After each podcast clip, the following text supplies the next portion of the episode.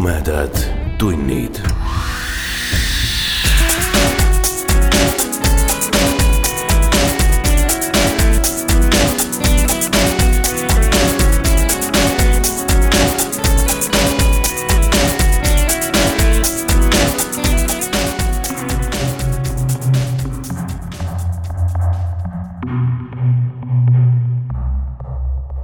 tere, hea ulmesõber. Tere tulemast kuulama õudus- ja ulmejutu vestmis podcasti Tumedad tunnid kuueteistkümnendat osa. mina olen saatejuht Priit Öövel. palju õnne meile kõigile, täna on meil teine sünnipäev. aitäh kõigile, kes te olete meiega need kaks aastat vastu pidanud. kui te ka tänase osa vastu peate, siis on teieni jõudnud ühtekokku juba kakskümmend seitse erinevat lugu kolmeteistkümnelt erinevalt autorilt kokku kakskümmend üks tundi kuulamismaterjali. Nii et veel kord suur tänu kõigile, kes te olete selle peaaegu juba et ööpäeva oma elust meie peale kulutanud. kuna tänane osa tundub tulevat rekordpikk, siis hakkame aga otsast peale. ah jaa, kui teil nüüd on käed täis ja tahate meile kangesti sünnipäeva ja jõulukingitusi üle anda, siis kuidas seda täpselt teha? olge head ja vaadake meie kodulehelt tumedadtunnid.ee rubriigist Toeta meid või siis meie Facebooki lehelt. Aga jah, nüüd on tõesti aeg alustada. meie tänane esimene lugu lööb kohe vähemalt kolme tumedate tundide isiklikku rekordit. esiteks on tegemist meie kõigi aegade kõige lühema looga. teiseks osaleb selles kõige rohkem näitlejaid. ja kolmandaks vähemalt minu isiklikku arvamust mööda on tegemist meie kõigi aegade kõige õudsama õuduslooga. Ulmeajakirja Algernon tuhande üheksasaja üheksakümne üheksanda aasta juunikuu numbris avaldati kaks samanimelist juttu. autoriteks olid Veiko Belials ja Marek Tihhonov. algavad mõlemad jutud ühesuguselt, aga lõpud on totaalselt erinevad minge ja külastage Algernoni veebilehte. lugege kindlasti ka Veiko Belialsi samanimelist lugu. aga mina, Maia Öövel, Mattias Öövel ja Aiki Penno loeme teile Marek Tihhonovi versiooni õudusloost Luba tappa.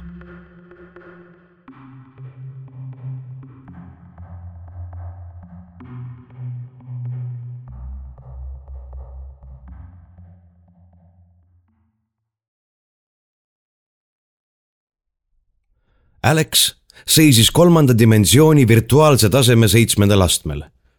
ta oli kutsele vastanud. ta oli valmis võitlema. läbi maailma kõiksuse paiskusid ootajani kodeeritud sõnad. sõdur Alex Teine, lahinguväli, planeet Dvorh, pimeduse palee, missioon leida ning vabastada kuningatütar eraldatud aeg kaheksa ja pool nanoühikut. Õigus tappa kõik, kes sind takistavad. vange mitte võtta. sõnad vaibusid olematuks. maailm plahvatas ning lagunes aatomiteks.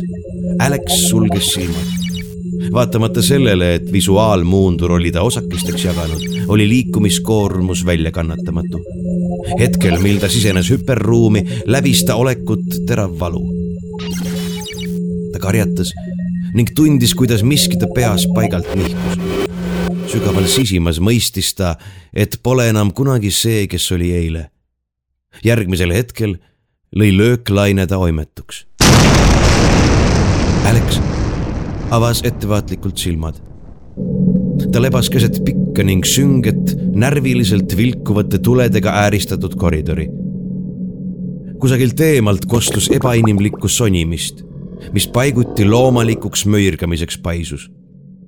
Alex teadis, et on kohale jõudnud. leida ning vabastada kuningatütar. ta ajas end vaevaliselt püsti ning märkas samal hetkel enda tagant kasvavat liikuvat varju. välgukiirusel pöördus ta ümber ja tulistas. elektrilaenguga lõhkekuul tabas ligi hiilinud limast mutanti otse silmade vahele ning määris ta ajud seinale lask kõlas vaikses koridoris justkui mitme plasmakahuri kogupauk. hääletult avanesid kümned salauksed. hetkega oli kogu silmapiir täidetud tapetu raevunud liigikaaslastega. õigus tappa kõik, kes sind takistavad. Alex karjus ning hoidis sõrme päästikul. ta ei raisanud aega sihtimisele aeg-ajalt hoolimatutest tabamustest lõhki rebitud korjustele komistades põletas ta endale läbi vaenulike jõudude teed. vaenlase lasermõõk lõikas ta vasakule säärele sügava haava. Alex vaarus, vajus põlvili ning tõstis relva. mutandi purustatud keha tõusis saadud löögist õhku, et elutu tombuna radioaktiivse saastaga täidetud kraavis maanduda. Alex hingas raskelt. ta oli üksi jäänud esimene raund võidu toonud temale. leida ning vabastada kuningatütar. hambaid sügavale huulde surudes upitas ta end püsti ja lonkas eemal paistva, heledalt valgustatud ruumi poole.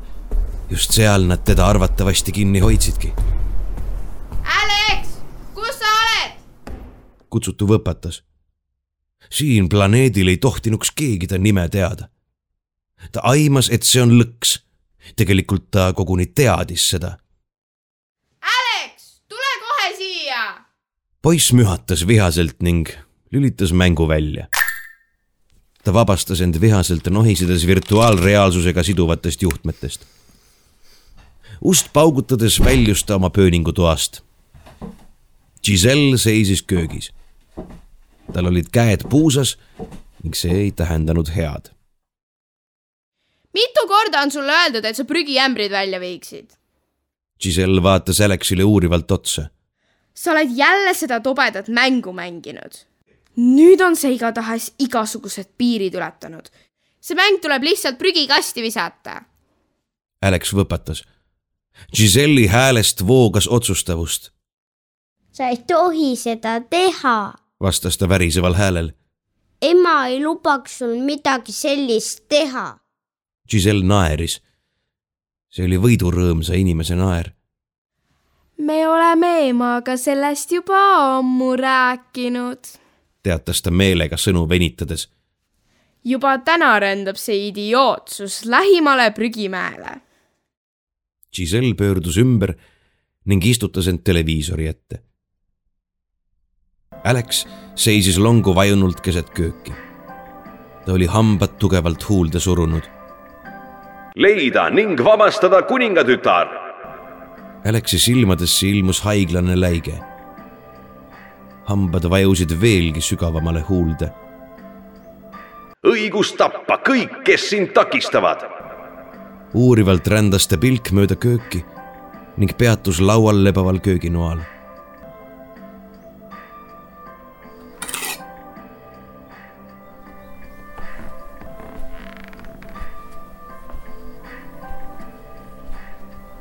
sa pole ikka veel välja saanud. pahandas Giselle, kui ta selja tagant lähenevaid samme kuulis. kui sa seda jama ei lõpeta, siis kaotad lisaks mängule ka õhtuse teleka vaatamise õiguse. õigus tappa kõik, kes sind takistavad. õigus tappa kõik. õigus tappa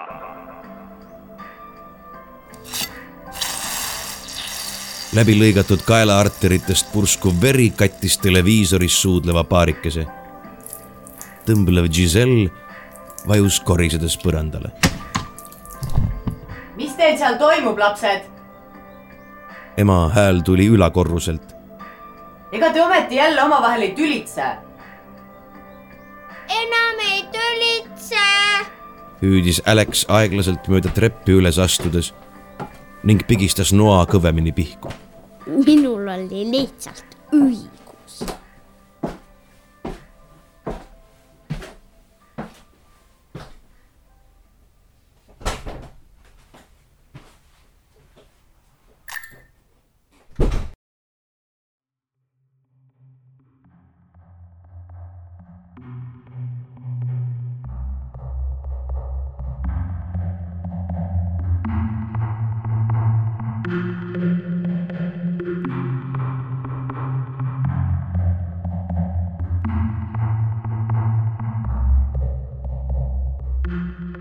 Lapsed, ärge seda kodus järele tehke. ja lapsevanemad, kes te meid kuulate, pange meie podcast nüüd korraks pausi peale ja minge vaadake, mida teie lapsed teises toas teevad.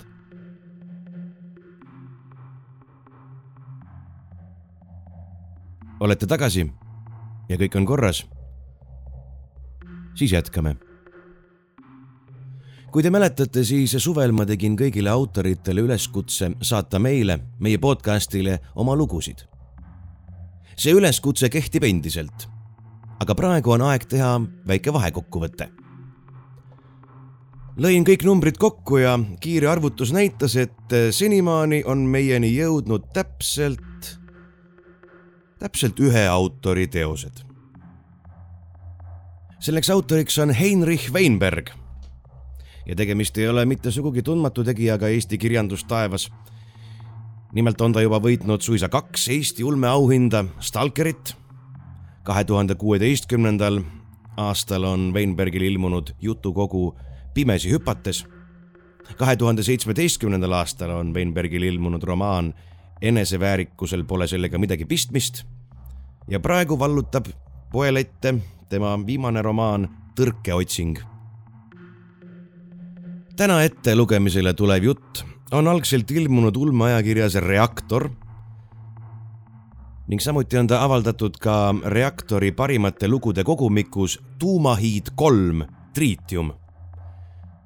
nii Tuumahiid kolm Tritium kui ka kõik ülejäänud enne mainitud raamatud on välja antud kirjastuse Fantaasia poolt. ja kui just kõike pole ära ostetud, on seniajani kaubandusvõrgus saadaval, nii et minge ja vaadake. Ja ühe asja tahaksin veel enne loo juurde asumist ära mainida. nimelt eh, selles loos teeb esimest korda meie podcasti ajaloos oma suu lahti minu hea sõber, kolleeg teatrist sõber, muusik ja laulja populaarsest kõrtsibändist Sada ja seened, Tanel Bergmann. mina ja Tanel loeme teile Heinrich Weinbergi ulmeloo ringkaitse.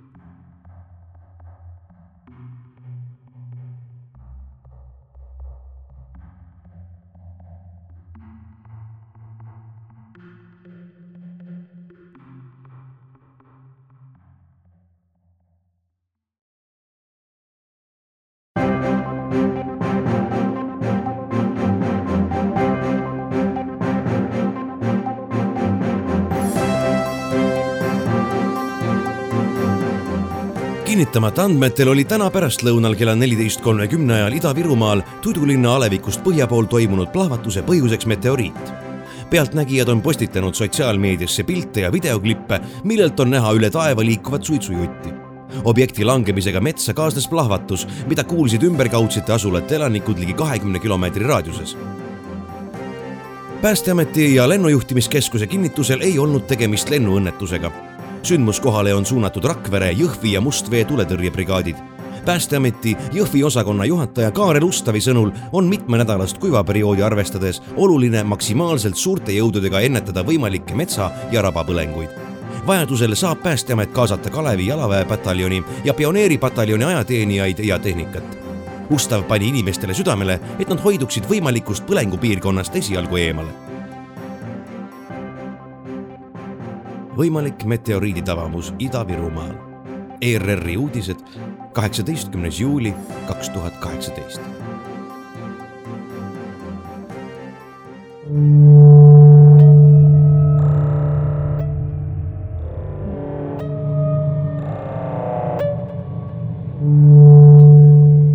räsitud riietega mees oli seotud suure ruumi keskel töölaua külge, mis oli mõned kraadid tahapoole kaldu mehe pead kattis mustast riidest kott. ta hingeldas raskelt, püüdes samaaegselt toime tulla nii palavuse, õhupuuduse kui silma kippuva higiga. klambrid käte-jalgade ümber soonisid valusalt. haavast ta meelekohal oli voolanud veri alla krae vahele ja ta süda peksles ärevusest. vasemalt kostis mingit heli. Lähenesid sammud peakott tõmmati hoolimatu liigutusega ära ja ta jäi lae valguses silmi kissitades enda ees seisvat tumedat kogu vahtima. skafandris mees. kinnipeetava näol mänglesid erinevad emotsioonid. ta keeras pead mõlemale poole, vahtides paaniliselt ringi. see oli suur ruum. ta oli metsas kinni nabitud talle oli kott pähe tõmmatud, käed kinni köidetud ja siis oli teda kuhugi sõidutatud, mingisse hoonesse lohistatud. mis neetude näitemäng see skafandriga veel olema pidi? kas ta on kuidagi millegagi kontaktis olnud, et on vaja end tema eest kaitsta? selle mõttega kaasnes kuskil tagumises kuklas hoopis külm hirm. kuid viimaks sai pahameel ikkagi võitu. Teil ei ole mingit õigust mind siin kinni pidada. pahvatas ta ma nõuan advokaati ja. tegelikult. Lõikas skafandrist tulev sünteetilise kõrvaltooniga hääl protesti läbi. võime me teiega teha, mida ise paremaks peame, härra Tänak. oma nime kuuldes jäi vang natuke rahulikumaks. ta silmitses skafandris meest põhjalikumalt. nimesildil oli kirjas lehtpuu ja tärnid auastme tunnusel viitasid leitnandile. lehtpuu kummardus lähemale ja Tänak nägi läbi skafandri näokatte tema naeratust. See ei olnud sõbralik naeratus. kas te ise ka aru saate, mis supi sees te olete? küsis Lehtpuu. ma olin lihtsalt metsas kahe sõbraga matkamas.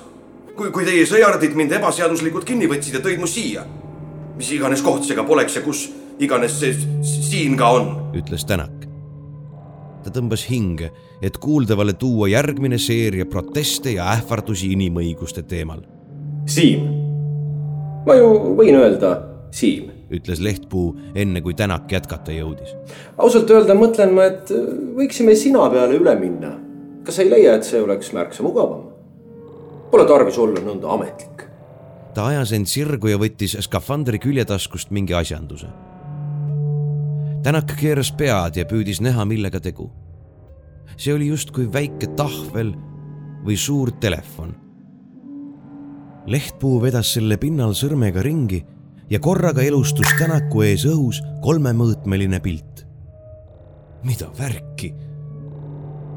Tänakule ei antud aega selle realiseeritud tehnoloogia ime üle pead murda. metsas matkamas, ütled sa? tähendas Lehtpuu sarkastiliselt, osutades pildil Tänakule ja tema kahele kaaslasele. kolm meest olid tõesti varustatud matkavahenditega, kuid lisaks oli näha et nad kasutasid öönägemisseadmeid ja olid relvastatud.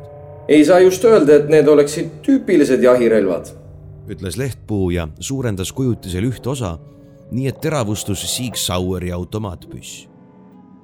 see on tõsine tükk rauda, mees. seitse koma kuuskümmend kaks kaliiber, kõik kellad ja viled küljes parasjagu niivõrd seaduslikus konfiguratsioonis, kui selline riistapuu üldse tsiviilis olla saab mida te teha mõtlesite? karusid jahtida või? Ei või kunagi teada, ütles Tänak. ta tundus olevat sellest natuke häiritud, et tema ja ta kaaslased on sedasi pildile püütud. lõpuks olid nad kasutanud kamuflaaži, mis pidanuks nad isegi soojuskaamerale nähtamatuks muutma. aga jah, sõjaväe võimalused olid ilmselgelt paremad kui nende põrandaalustel kontaktidel mis te mu sõpradega tegite? ja, ei või kunagi teada, mille või kelle otsa te satute. kui olete tulnud relvastatult sõjaväe keelutsooni ja üritate müüa legendi, et lihtsalt matkate. sõnas Lehtpuu, ignoreerides küsimust. mis sa raisk mu sõpradega tegid? röökis Tänak enesevalitsust kaotades ja hakkas oma köidikutes rabelema. klambrid lõikusid talle randmetesse veri tilkus sõrmeotstelt põrandale ja Tänak möirgas vihaselt, kuni talle jõudis kohale, et tal pole pääsu kuhugi. Ta jäi hingeldades lauale lebama ja pressis vaikselt paar vandesõna kuuldavale. me natuke nagu eksisime ära, ütles Tänak viimaks õlgu kehitades. hädine vale, kuid vähemalt esialgu pidi ta jääma oma legendi juurde. aga see ei anna teile alust selliseks kohtlemiseks ta näis natukene enesekontrolli tagasi saavat. laske mind vabaks või andke üle politseile. Ma pole sõjaväelane, et mind peaks siin teie baasis kinni pidama.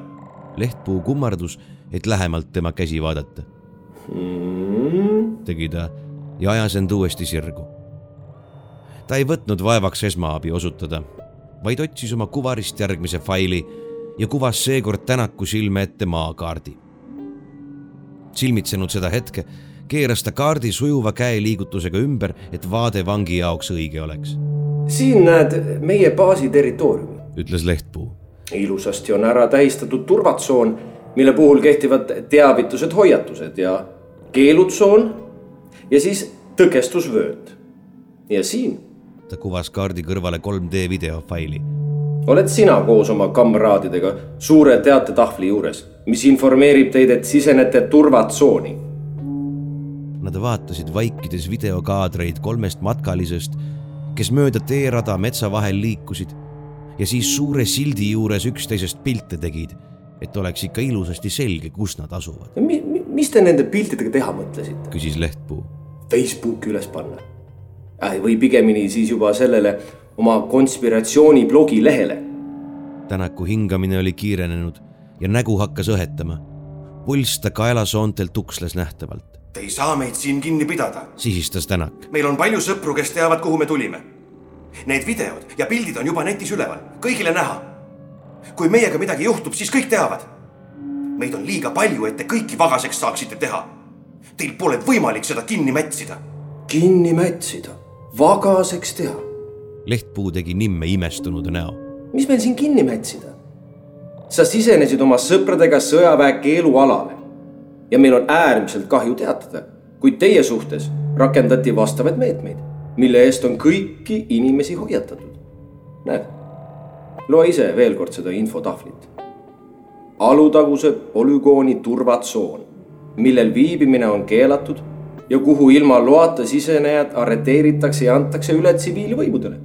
NB lisaks turvatsoonile ümbritseb alutaguse polügooni keelutsoon, mis on tähistatud. Keelutsooni sisenejate suhtes võib sõjavägi kohapeal rakendada surmavat jõudu ilma täiendava hoiatuseta. Lehtpuu vaikis kaks hetke. asjaolu, et sa praegu veel elus oled, tuleneb tegelikult sellest, et mul on lihtsalt igav tead, need kahekümne nelja tunnised valved võivad olla õige tüütud, kui midagi ei juhtu. aga noh, ilmselt oli täna minu õnnepäev, sest tulite nagu tellimise peale. sõjaväelase nägu valgustas õel muie. vaataks õige siin natukene ringi. härra Tänak, ütles Lehtpuu.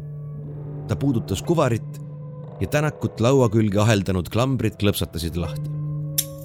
keera ringi, käsutas Lehtpuu natuke segaduses Tänak koperdas laualt maha betoonpõrandale ja keeras sõjaväelasele selja. Esimest korda vestluse jooksul silmitses ta hämaralt valgustatud ruumi, milles nad olid.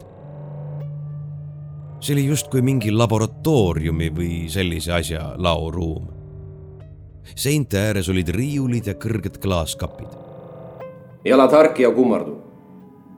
rohkem harki ja käed seljale, nii keera käe seljad vastamisi. Tänak keeras end hoopis ringi, et Lehtpuule kallale karata. Enne kui ta jõudis sammugi teha, tabas teda talumatult valus hoop kõhtu. valulained lahvatasid mööda ta keha laiali ja kontrollimatult värisedes langes ta põrandale maha. toibudes avastas ta oma meelehärmiks, et ta käed on selja taha aheldatud. ta keha tuikas valusalt. Lehtpuu seisis sealsamas kõrval ja vaatas, kuidas Tänak end hoiatas ja teda maapõhja siunates ringi keeras. ta kummardus ja asis Tänakul varrukast kinni ning tõmbas ta püsti. ära ole idioot. Lehtpuu tõstis Tänaku silme ette metallist pulga, mille sisemusest kostis isemoodi undamist. justkui laetaks kondensaatoreid. see on üsna kahjutu, kuid rämedalt valus, nagu sa nüüdseks juba oma kogemustest tead ta viipas käega enda ümber. See siin on meie näidiste ruum, ütles Lehtpuu. las ma näitan sulle, mis meil siin tegelikult on. ta sikutas Tänaku lähima riiulini, millel seisid reas klaasist kastid. hämaras valguses seletas Tänaku silm mingeid vidinaid ja justkui materjalikänkraid. ta ei suutnud ühegi nähtud objekti otstarvet mõistatada, sest need olid võõrapärase moega see siin on mingisugune personaalarvuti. osutas Lehtpuu hulktahukale, mille üks külg oli kaetud keeruka ornamendiga ja teine oli sile ning läikis tuhmilt. kuvab õhku kolmemõõtmelisi kujutisi. ta tõstis oma kuvari Tänaku silme ette. meie kuvarid on selle asjanduse pealt maha viksitud. Need ta osutas tükikestele teises klaaskastis. on mingi huvitava polümeermaterjali tükid. väga kerge, väga tugev, talub ropult kõrgelt öö, temperatuuri. me kasutame seda turviste loomiseks. mis mõttes? hakkas Tänak küsimust vormima, kuid Lehtpuu lohistas teda juba edasi. näed seda öö, piklikku asja? see on plasmapüss. Nad jõudsid töölauani, millel seisis akvaariumit meenutav klaaskast. põhja, kaanele ning kahele küljele olid kinnitatud metallse läikega plaadid, mille vahel õhus hõljus vaikselt keereldes metallkuubik, antigravitatsiooniseadme prototüüp. tähendas Lehtpuu. kuidas? püüdis Tänak uuesti suud lahti teha, pealõuad. haugatas Lehtpuu ja sikutas teda edasi. seina ääres olid reas suured. Tänak leidis, et sobilik nimetus on ilmselt puurid. esimeses neist oli klaasist seespool peenesilmaline metallvõrk. puuris sees heljus pidevalt kuju muutev valgustomp. kui Lehtpuu ja Tänak puurile liginesid, hakkas see intensiivsemalt kiirgama ja viskus siis korraga vastu puuri seina. põrkus aga sädemevihma saatel metallvõrgult tagasi. saa tuttavaks. see on meie oma isiklik tuletont. Lehtpuu irvitas rõõmsameelselt, vaadates õudust Tänaku näol. meil pole siiani halli aimugi, mismoodi see asi toimub. Ta iitsitas justkui hullumeelsest heameelest. tegelikult ei tea me siiamaani sedagi, kas see on intelligentne olevus või meie mõistes lihtsalt metsloom. osad minu kolleegid on veendunud, et ta on intelligentne. teised seda arvamust ei jaga. paar tükki arvavad, et tegelikult pole see klassikalises mõistes isegi mitte elus, vaid mingi füüsikaline anomaalia, mis reageerib kuidagimoodi meie kehasoojusele või feromoonidele või mis iganes. ainus meie jaoks arusaadav reaktsioon on siiani olnud ilmselge soov tappa igaüht, kes vaatevälja ilmub. nii palju siis meteoriidist. pomises Tänak. meil oli ikkagi õigus. järgmises puuris oli mingi hämaruses helendav taim. kuid lisaks helendamisele tundus, et see liigutab enda aeglaselt, justkui otsides midagi. lehtpuu võttis puurist valge laboriroti ja viskas selle luugi kaudu suurde puuri helendava taime juurde. Tänak tundis judinaid mööda selga roomamas. taim muutus valvsaks. see näis justkui kuulatavat. pöördus siis oma lehtedega puuri nurka tõmbunud ja hambaid näitava roti poole ning korraga sähvatasid lehtede hargnemiskohast piitsadena jätked. Rott oli läbi torgatud ja tõmmati sinnasamasse taime keskele kuhu oli korraga tekkinud teravate ogadega ääristatud suu. nüüd sa tead, mis on seal saanud meie sõnajalgadest. ütles Lehtpuu vaikselt. kujuta endale siis ette, milline on sammal või mänd või, või ma ei tea, näiteks kärbseseen. seda te siis varjategi? pomises Tänak. mingi alla kukkunud tulnukate laev Te hangite sealt tehnoloogiat ja teostate oma eksperimente. rahvale aga ajate puru silma meteoriidi ja radiatsiooni teemal. sina paranoikust idioot. naeris Lehtpuu. loomulikult me uurime seda. meie ja ameeriklased ja britid ja veel mõned. me oleme mõne aastaga siit uskumatuid tehnoloogiaid välja nõristanud. Ta lükkas Tänaku edasi lahtise puuri poole selles oli vahesein, mille taga ei tundunud olevat muud kui pimedus. justkui kõike endasse neelav, ootav, valmisolev pimedus. alguses ronisid teadlased seal ringi nagu sipelgad, ütles Lehtpuu. Nad krabasid kokku kõike, mis said. aga siis hakkasid need seal ringi liikuma. meie omad kodused, tuttavad taimed ja loomad muutusid millekski muuks. Ta vaatas Tänakut kes seisis sõnatult ringi vahtides, näol peegeldumas hämming ja hirm. kogu see keelutsooni värk pole mitte selleks, et inimesi sealt eemal hoida. no, no muidugi on vaja neid sealt eemal hoida. ohutuse asi ikkagi.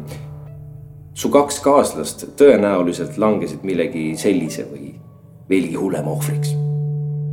lehtpuu osutas sõnajalale, mis oli ametis roti seedimisega ja valgusest koosnevale olendile. mis sa arvad? miks me oleme pidanud kahel korral turva- ja keelutsooni laiendama? no, noh. meil on vaja need seal sees hoida. Nad tahavad levida. me arvame, et äh, koloniseerida, mitte terraformida, vaid reformeerida meie ökosüsteem millekski muuks, neile sobilikuks. Meil on siin ringkaitse, kontrolljoon, et nemad välja ei pääseks. ja, ja mis siis nüüd? proovis Tänak uuesti midagi öelda. no sina lollakas pidid sinna ronima. katkestas Lehtpuu teda taas. sa oled olnud kontaktis. noh, mis seal ikka, eks me saame näha, milleks sina muutud. ta tõukas Tänaku lahtisesse klaaspuuri ja vajutas nupule. Kiiremini kui Tänak reageerida jõudis, sulgus klaasist kast ta ümber, lõigates läbi tema karjed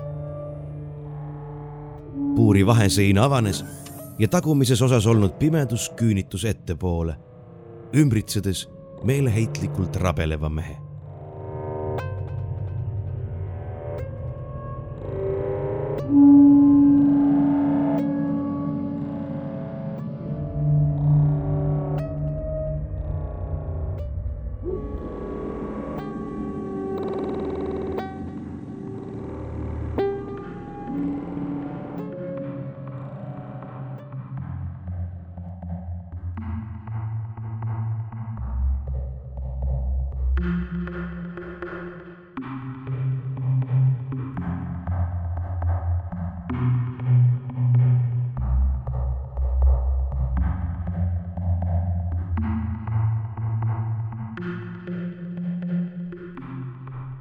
Aitäh, Tanel Bergmann, aitäh, Heinrich Weinberg.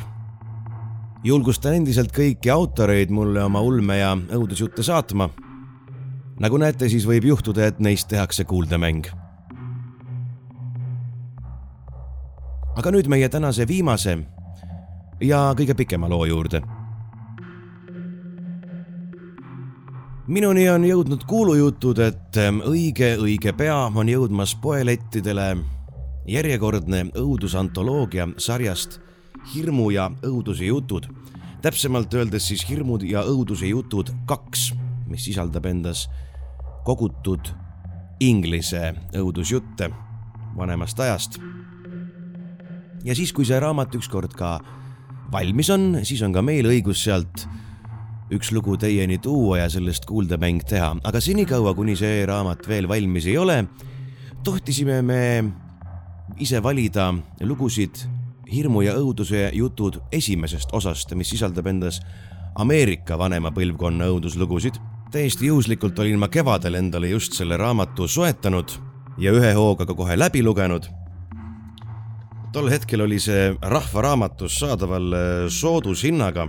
ei tea, kas praegu enam on, minge igatahes vaadake ja kontrollige hirmu ja õuduse jutud esimese osa on koostanud Raul Sulbi ja välja andnud kirjastus Fantaasia aastal kaks tuhat viisteist. täna siin teile ettelugemiseks valisin ma loo autorilt, kelle nimi on Henry Toke Munn. nii vist on viisakas tema nime eesti keeles hääldada. mees, kes elas aastatel tuhat kaheksasada kuuskümmend neli kuni tuhat üheksasada viiskümmend kaks ja veetis sellest oma elust suure osa külmas ja kõledas Arktikas. külmast ja kõledast Arktikast räägib ka tema lugu. lugu, mis meenutab mulle veidi Jack Londonit ja mida mina nimetaksin tänapäevases mõistes pigem seiklus kui õuduslooks. jutt ilmus esimest korda järjejutuna novembris tuhat üheksasada kakskümmend kaks ja see jutt muide jäigi ainukeseks Henry Toke-Manni panuseks ulmekirjandusse. jutu on eesti keelde tõlkinud Silver Sära. ma loen teile Henry Toke-Manni seiklusliku õudusloo Hingede saar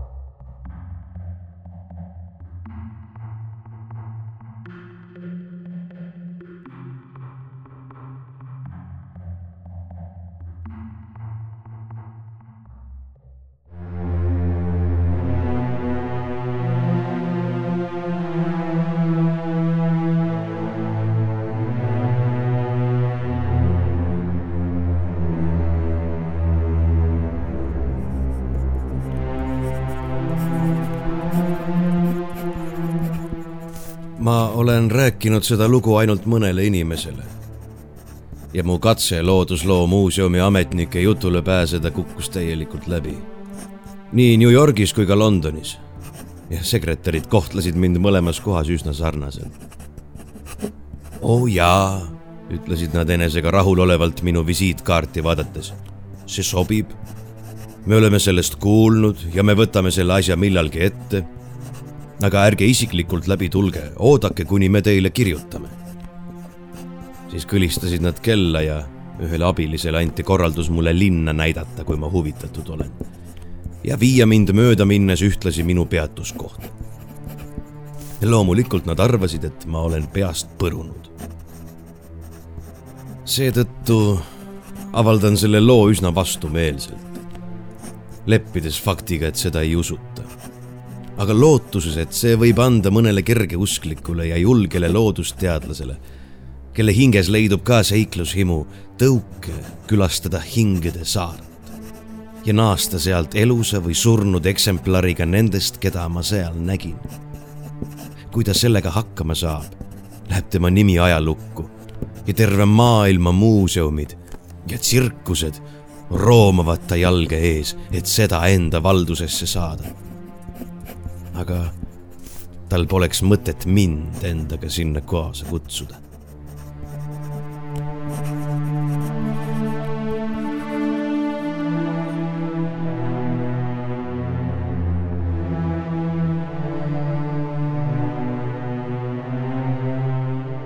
tuhande üheksasaja neljateistkümnendal aastal saatis mu tööandja, üks kaevandusmaailmas hästi tuntud Londoni firma mind Arktikasse uurima teatavaid piirkondi, uhte kulla ja teisi tinamaagi leidumise osas. aastatel tuhat üheksasada neliteist kuni tuhat üheksasada viisteist talvitusin ma Bond Inletis, Baffini maa kirdepoolses servas, mille koordinaadid on seitsekümmend kaks kraadi nelikümmend kaheksa minutit põhjalaiust ja seitsekümmend kuus kraadi kümme minutit läänepikkust. ma tegelesin uurimistöödega vastavalt mu tööülesandele ja pöördusin tuhande üheksasaja viieteistkümnenda aasta augustis tagasi baaslattu, kus jäin ootama laeva saabumist. viieteistkümnendaks oktoobriks ei olnud laeva tulnud ja ma teadsin, et pean jääma veel üheks talveks.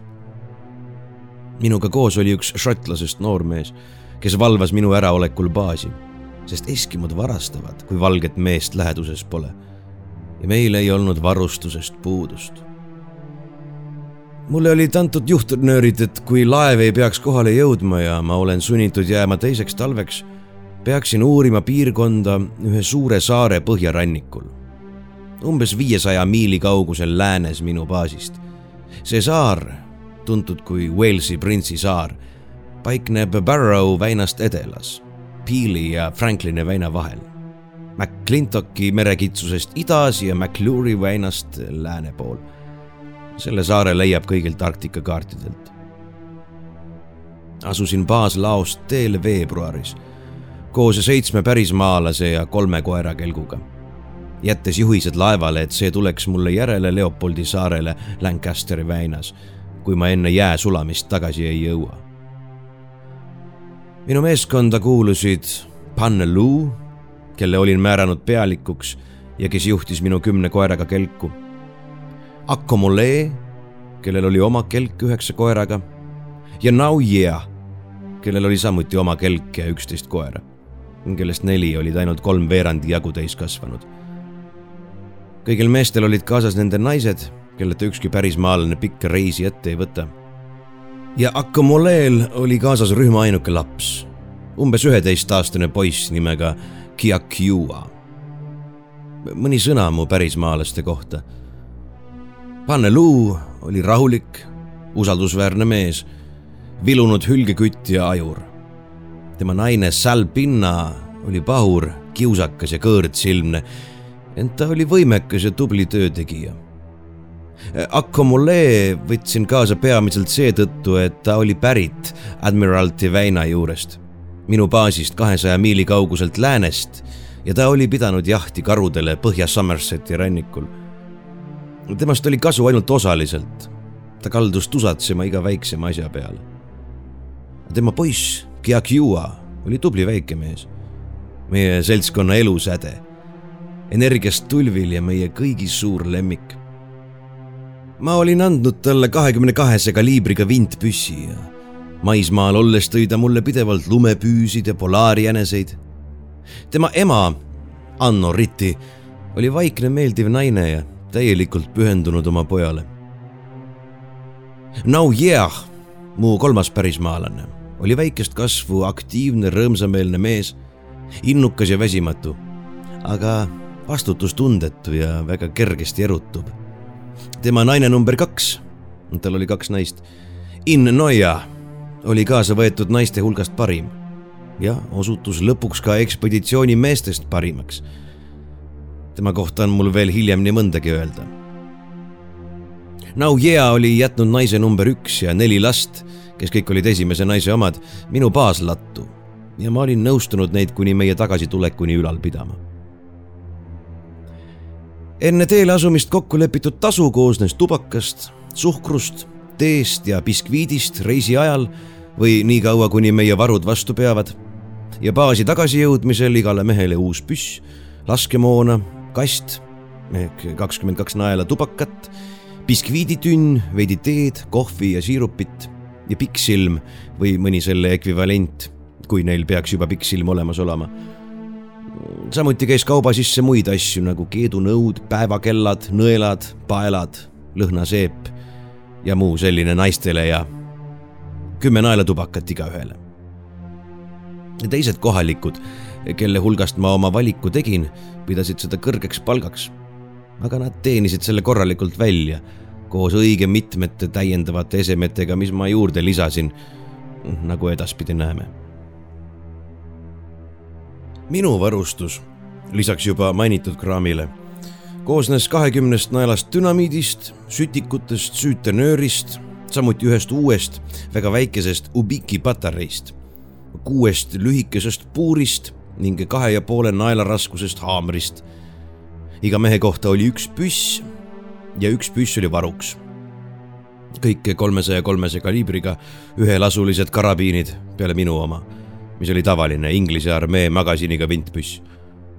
meil oli rohkesti laskemoona, täielik purjetamisvarustus iga mehe jaoks, kaks varuharpuuni ja ahingut, üks kirves iga kelgu peale, eskimote lambid toidu valmistamiseks ja sooja saamiseks ja nõud söögi valmistamiseks.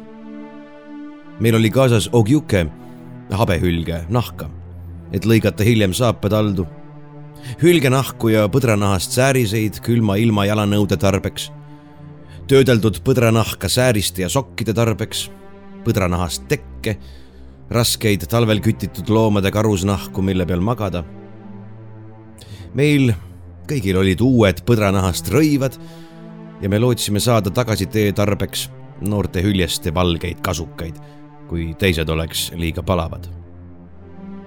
mu ravimiteks oli brändipläsku, mõned tabletid ja antiseptikumid, mõned sidemed, kirurginõelad ja niit haava õmblemiseks. minu isikliku luksuse hulka kuulus mõned tosinad suurepärast puljongipuru, Cambridge. Ma viisin väikese kajaki, nahast kanuu, Leopoldi saareni välja, et sellega hiljem hülgeid püüda, juhul kui me peaksime sinna ootama jääma. ja telgi samuti ühe artikli oma varustusest, väikese Kodaki fotoaparaadi lömastasin ma õnnetult ja lootusetult paar päeva pärast teele asumist. kahetsen elu lõpuni seda katastroofi, sest selleks see lõpuks osutus ja korvamatut kahju, mida juhtunu mulle põhjustas. see ei ole lugu Arktika reisist, nii et ma jätan vahele meie rännaku üksikasjad. minu teekond kulges läbi Navy Boardi väina ja seal läände Piki Lancasteri väina, Prince Regenti väinani, diagonaalis üle Leopoldi saare ja üle Somerseti saare põhjaosa, mis on sile kiltmaa, ja Piili väina Walesi printsi saareni. me pidime läbima umbes kuussada kakskümmend viis miili. ehkki, nagu ma ütlesin, linnulennult oli kaugus ainult viissada miili. ja loomulikult sõltusime mere- ja maismaa loomadest, et ennast ja koeri toita ja hankida hülgerasva, valguse, toidu valmistamise ja kütte tarbeks. mõned Eskimod teevad selliseid rännakuid igal talvel, olgu siis teiste kogukondade külastamiseks või jahiretkedel ja need pole kindlasti ebaharilikud. peamine ja tõepoolest vältimatu ülesanne on leida hülgeid ja selleks tehakse päeva või kahepikkuseid peatusi. ma tahan nüüd rõhutada asjaolu, et Walesi printsi saar ei ole kindlasti see, mida kirjandusinimesed nimetavad terra incognitaks. vähemalt osas, mis puudutab rannikujoont. Parry avastas selle sada aastat tagasi ja Roald Amundsen purjetas oma kuulsa väikese laevaga Gjoa mööda Peeli väina ja Franklini väina, kui ta läbis Loodeväila. Põhja-Somersetil ja Walesi printsi saarel ei ole leitud päris elanikke, ehkki aeg-ajalt käiakse Põhja-Somersetil jahti pidamas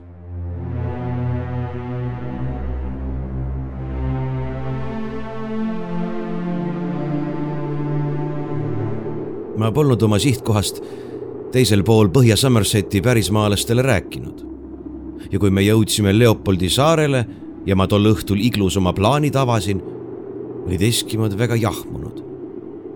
me pidime nälga jääma, jää pidi sulama ja meid muust maailmast ära lõikama ja lõpuks, see oli see tegelik põhjus, see olevat halb maa. miks halb, küsisin mina kui te ütlete, et keegi teist pole seal käinud. tekkis vaikus, mille järel ütles Panneluu vastumeelselt.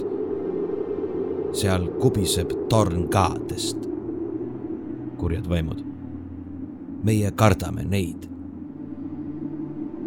mul kulus pool ööd veenmiseks ja meelitamiseks, enne kui ma sellest absurdsest vastuseisust jagu sain. lõpuks nõustusid nad edasi tulema aga nõudsid, et me liiguksime Walesi printsi saare ranniku lähedal, millega ma loomulikult meelsasti nõustusin. Leopoldi saarel seisab üks väike hoone, mis oli kunagi kaupa täis. loomulikult on päris elanikud selle nüüd täiesti tühjaks teinud, aga see sobis suurepäraselt meie kajaki ja telgi kaitsmiseks karmi ilmastiku eest. ma jutustan ühest intsidendist meie reisil sest see näitab, millisest materjalist üks meie rühma liige tehtud oli.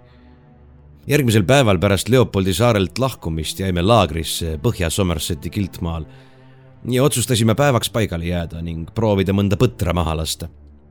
vahelduse mõttes hülgelihast, millest me kõik tüdinud olime. ent ka selleks, et teha peidik ja hoida seal lihavaru tagasituleku ajaks. saatsin kolm meest varahommikul koos kõigi koertega teele kuna ma ei tundnud end hästi, jäin ise iglusse. olin võtnud oma püssi osadeks lahti, et seda puhastada. ja need osad olid parajasti mu süles, kui ma kuulsin väljast karjatust. ja Salpinna ütles kähku. ta ütleb, et karu. minu püss oli sel hetkel kasutu, nii et ma sööstsin välja varupüssi järele, mis oli alati Innoia hoole all teises iglus. väljas nägin ma umbes saja jardi kaugusel väikest Kiak-Juad, kes jooksis elu eest iglude poole. tema kannul viieteistkümne või kahekümne sammu kaugusel aga väga suurt karu. Innoia tormas püss käes iglust välja ja jooksis nende poole. ma ei uskunud, et poiss pääseb, sest ta oli täpselt püssi ja karu vahel. ning üks võimsa käpa löök oleks purustanud ta pea ent ootamatult hüüatas Innoia teravalt. Tella peanin, tella peanin. paremale poole, paremale poole. poiss, kes sai kohe aru, et ta on lasu trajektooril, põikas paremale nagu jänes. kõlas lask, karu möiratas valust. pööras siis ringi ja hammustas metsikult oma tagumist otsa, mis oli pihta saanud. järgmisel hetkel ründas ta täie hooga Innoiat. Naine oli laskunud tulistamiseks ühele põlvele ja tõstis keha liigutamata rahulikult taas püssi. kui ta tulistas ja karu lasuga pähe tappis, oli loom nii lähedal, et kui ta hüppas eest ära, paiskas karu rünnakuhoog looma selle koha peale, kus naine oli põlvitanud. sündmuste käik oli lumel selgelt kirjas. ma küsisin hiljem Innoia käest, miks ta varem ei tulistanud. Ma olin võtnud iglust välja joostes ainult kaks padrunit kaasa, ütles ta ükskõikselt. ja ma pidin talle täpselt pihta saama. nii suurepärast külma närvi ja jäise rahu demonstratsiooni polnud ma varem näinud. me jõudsime minu sihtkohta kahekümne viiendal märtsil, ületades Peeli väina põhja Somersetist ühepäevase, umbes neljakümne viie miilise rännakuga. me hoidsime Walesi Prince'i saare kaldale väga lähedale. ja ma märkasin, et me ehitasime iglud nüüd alati maismaale, isegi kui sobivat lund polnud nii käepäraselt võtta nagu jää peal ja ehkki me pidime tihti rühkima läbi ebameeldiva rannaäärse, enne kui kaldale jõudsime.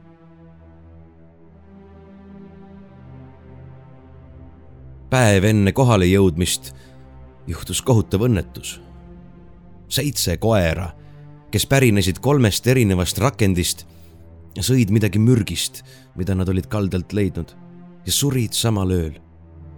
veel kolm olid väga halvas seisus, aga nad toibusid ma ei suuda ette kujutada, mida üks Eskimo koer võib ta enda maal süüa, et see ta ära mürgitaks.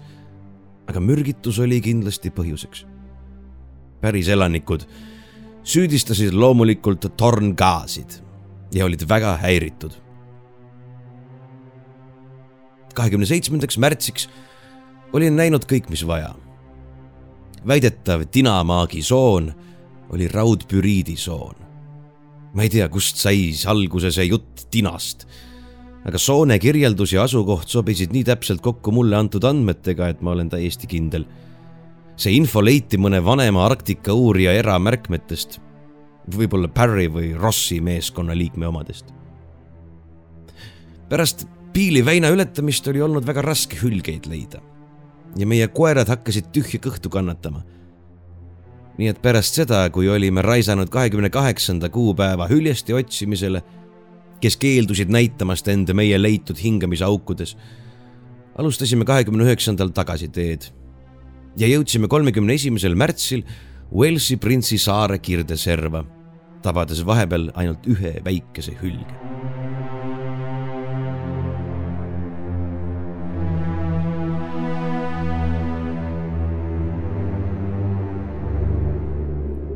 umbes viisteist miili Walesi printsi saarest põhja pool asub üks suur saar.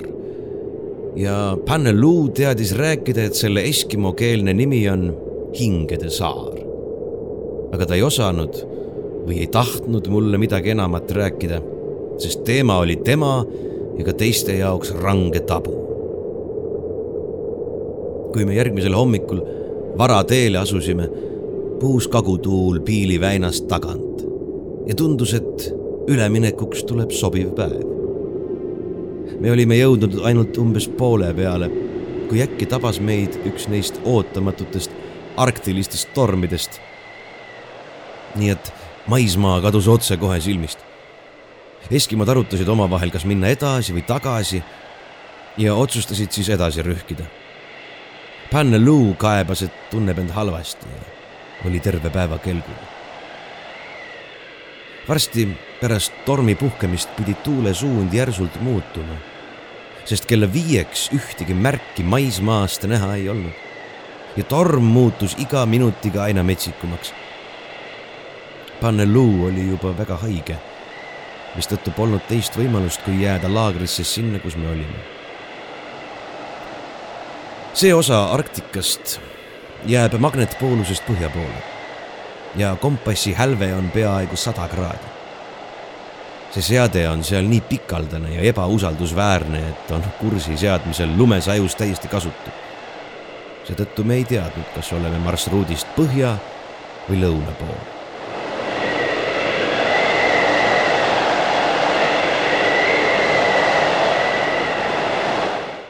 Sel ööl, esimesel aprillil kadusid kaks esimest koera. minu päevikus seisab. kell üksteist õhtul hakkasid koerad äkki ulguma. arvasin, et see on karu, aga koerad tormasid iglu ukse juurde liiga hirmunult. äkki klähvatas üks kummaliselt lämbuvalt ja umbes samal hetkel murdus uks ja koerad trügisid üle peakaela sisse.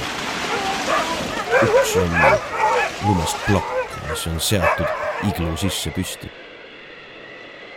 Yeah ja In Noia magasid minu iglus, et aidata panna luud, sest teda tuli pidevalt jälgida. ja kohe, kui lärm pihta hakkas, hüppas Now Yeah In Noia käsu peale püsti, heitis oma kulletangi, põdranahast kuue, lumest magamispingilt põrandale, astus täiesti alasti. Eskimod magavad alati niimoodi selle peale ja hoidis lumest ust nii kaua tagasi, kuni seda käte all purunes ja koerad sisse tormasid. vahepeal olin mina oma kulletangi selga ja põdranahast saapad jalga tõmmanud ja kohe, kui ukseava oli koertest puhas, hiilisin ettevaatlikult välja, oodates, et näen mõnda eriti julget ja näljast karu meie laohoone juures laohooneks nimetan ma väikest lumeonni, mis oli ehitatud iglu külje vastu ja kuhu olime paigutanud liha, hülgerasva ja muu sellise, mida meie koerad võiksid rikkuda või ära süüa. reeglina hoitakse püsse väljas, et niiskust vältida. aga päris elanikud olid peale käinud, et need kõik tuleb selleks ööks sisse tuua. ma ei näinud ega kuulnud midagi. oli väga pime öö ja hangedesse kogunenud lumi oli pimestav nõelatas silmi nagu liiv. ma roomasin poolkülmunult sisse tagasi ja me ehitasime uue lumeukse. viieteistkümne või kahekümne jardi kaugusel seisev teine iglu elas läbi kõike sedasama. nii et pidi olema kaks külalist, kuna me mõlemad jäime üheaegselt ühest koerast ilma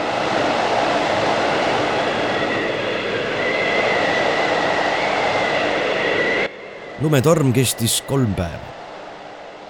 ja ehkki me ehitasime koertele iglu uste ette eeskojad ja sulgesime nad sinna, kaotasime igal ööl samal mõistatuslikul viisil kaks koera. uksed olid alati sissepoole puruks lükatud ning koer kiirelt ja puhtalt välja tõmmatud.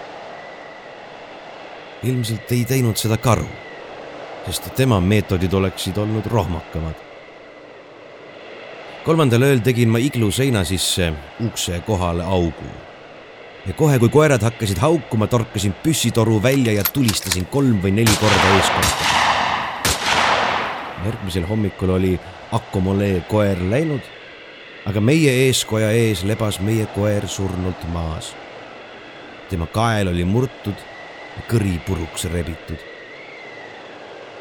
selleks ajaks olid pärismaalased täiesti demoraliseerunud. ainuke erand oli Innoia. Now Yeah istus värisedes kogu öö otse kui vapp ja külma hoos ja Salpinna olukord polnud palju parem. ta oli astunud iglus noatera peale ja lõiganud nii õnnetult jalga, et ma pidin haava seitsme õmblusega kinni tõmbama. Akomolee iglus ei tulnud Eskimod üldse tekkide alt välja ja mees vaevu vastas mulle, kui teda kutsusin. vahepeal muutus Panneluu olukord natuke paremaks ja ma hoidsin teda elus mõne lusikatäie vee ja brändiga, mida talle kord tunnis sisse söötsin. kolmandal päeval palavikku enam polnud, aga ta jampsis endiselt ja oli vaid pooleldi teadvusel. pärismaalastel oli hea ettekääne iglu ei paku rünnaku korral vähimatki kaitset. nool või oda läheb sellest läbi nagu paberist.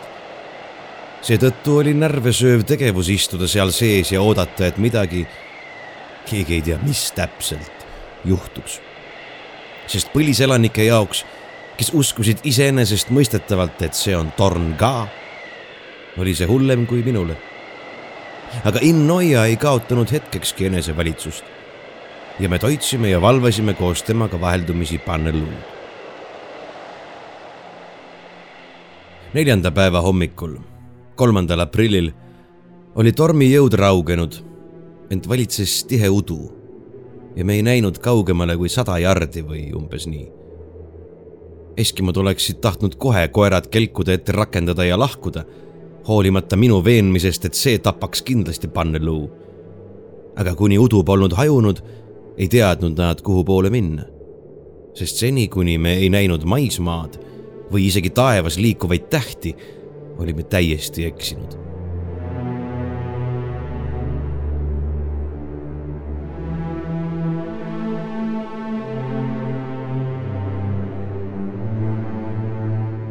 Akomolee ütles, udu järgi on näha, et mitte kaugel on vaba vesi.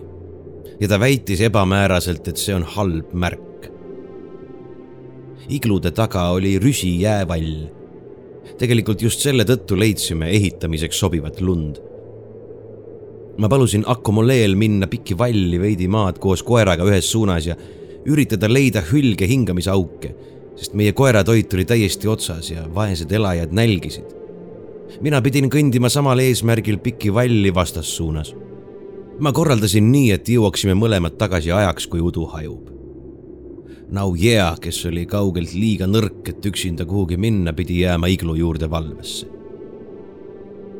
Akomole vaidles alguses vastu, aga lõpuks nõustus minema, lisades aga ainult natuke maad Innoia valvas panne luu järele, kes magas nüüd vaikselt ja higistas tugevasti. ma tegin talle natuke suppi. andsin naisele mõned juhised ja lahkusin siis oma hülgepüügivarustusega, püss käes ja koer nööri otsas. kell oli üheksa hommikul. ma kõndisin piki rüsijää valli kaheksa või kümme minutit, kui ma jõudsin enda üllatuseks lahtise vee äärde ma teadsin, et tõus ja mõõn on Barrow väinas väga aktiivsed ja tuul oli ilmselt jää lahti murdnud. olime seetõttu jõudnud meie marsruudist kaugele põhja poole, lahtise ja jäätunud vee piirile. lahtise vee pindala näis olevat üsna suur, aga udu tõttu oli võimatu näha, kui palju seda on. kuna jäätunud veepiir on harilikult väga ebakorrapärane ja seal, kus jääpangad survet avaldavad, moodustuvad sügavad abajad, oleks meil olnud väga ohtlik kuhugi minna, enne kui näeme, kus me oleme. oli lihtsalt juhus, et me polnud lumetormis vette või triivivale jääpangale sattunud. näes rüsijää vallist mitte kaugel vees hüljest, lasin koeral minna, sest mul polnud teda vaja ja ta jooksis tagasi iglu poole. siis ma istusin ja ootasin, et hüljes end näitaks. lõpuks lasin ma ühe looma maha. aga nägin, et mõõnavesi tõmbus veepiirist eemale. ja ma kaotasin ta silmist. nii et ma ootasin, kuni see tagasi tuli, mis juhtus umbes kolme tunni pärast. seejärel lasin veel kaks hüljest, ehkki pidin ootama veel tund aega, kuni nad veepiirile uhuti. selleks ajaks oli vee liikumine jää all üsna kiire kui ma hülgeid kokku sidusin, et neid tagasi iglu juurde lohistada, märkasin läbi udu vilksamisi pikki veepiiri kõndivat inimest. see oli kõigest ebakindel mulje, sest udu varjas ta otsekohe. Ma mõtlesin pigem sellele, miks oli Akomole mulle järgnenud. ent pidades meeles, et olin koera tagasi saatnud, oletasin, et sellel on midagi pistmist tolle asjaoluga kui ma jäävalli juurde jõudsin, ei näinud ma Akomoleest jälgegi. aga veepiiril oli ta näha suured veretilgad ja seal lebas väike põdranahast kinnas. see sai kuuluda ainult Kiakiuale. Lumi oli külmunud tormi käes kõvaks kui sillutis, nii et selle pealt polnud võimalik jälgi otsida. aga otse vee ääres, kus oli pehmem ja märjem, oli üks kummalise kujuga jälg mille võis olla jätnud pigem mõni hiiglasliku linnu ujulestaga jalg. küünise jälgi näha ei olnud, sest varbad olid ulatunud üle jääserva. mida tähendas veri? Kuidas sai sinna väikese Kiakiua kinnas. kui ma seda asja mõttes kiiresti kaalusin, haaras mu südant ängistus. ma olin kindel, et juhtunud on tragöödia. jooksin tagasi sinna, kuhu olin hülged jätnud, umbes kuuekümne jardi kaugusele veepiirist. matsin ühe neist kiirustades lume sisse, kaevates pussnoaga augu, et seda sula eest kaitsta. siis viskasin teise üle õla Need mõlemad olid väikesed hülged ja jooksin iglu poole. reetlikud veretilgad katkesid umbes kolmesaja jardi kaugusel lahtisest veest. iglu juures leidsin ma Nau Jea ukse ees edasi-tagasi kõndimas, karjumas vaimujuttu ja peaaegu hullunud.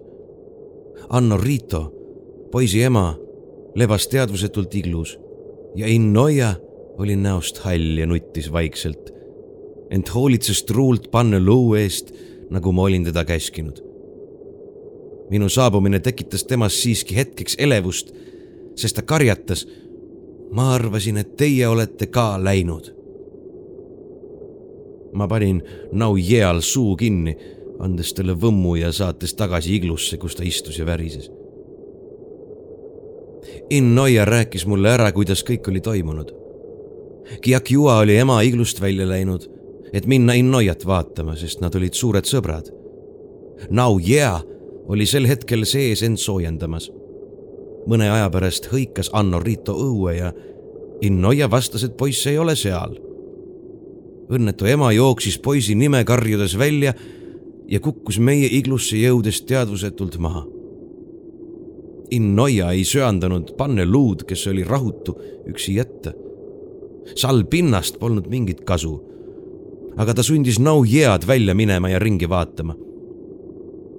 pisarad voolasid mööda naise põski alla, sest ta oli väikemeest siiralt armastanud. ei ole hea vaadata, nuuksus ta. torn ka on ta kaasa viinud. Akomolee koer oli tagasi tulnud ja Innoia ütles, et kardab vaese väikese Kiakiua isa pärast ma lähen toon Akomolee tagasi, teatasin. ta ei ole kaugel. kui ma iglust välja astusin, sain aru, mis oli juhtunud. keegi oli varjunud jäävalli taha ja roomanud iglu lähedale. ta oli kiiresti ja hääletult Kiakiua kinni võtnud ja sama kiiresti ja hääletult lahkunud. kõik koerad olid maganud eeskojas ega olnud häiret andnud. poiss ise polnud teinud ainsatki häält. milline elukas see pidi küll olema, kes nii hulljulgelt inimese röövib?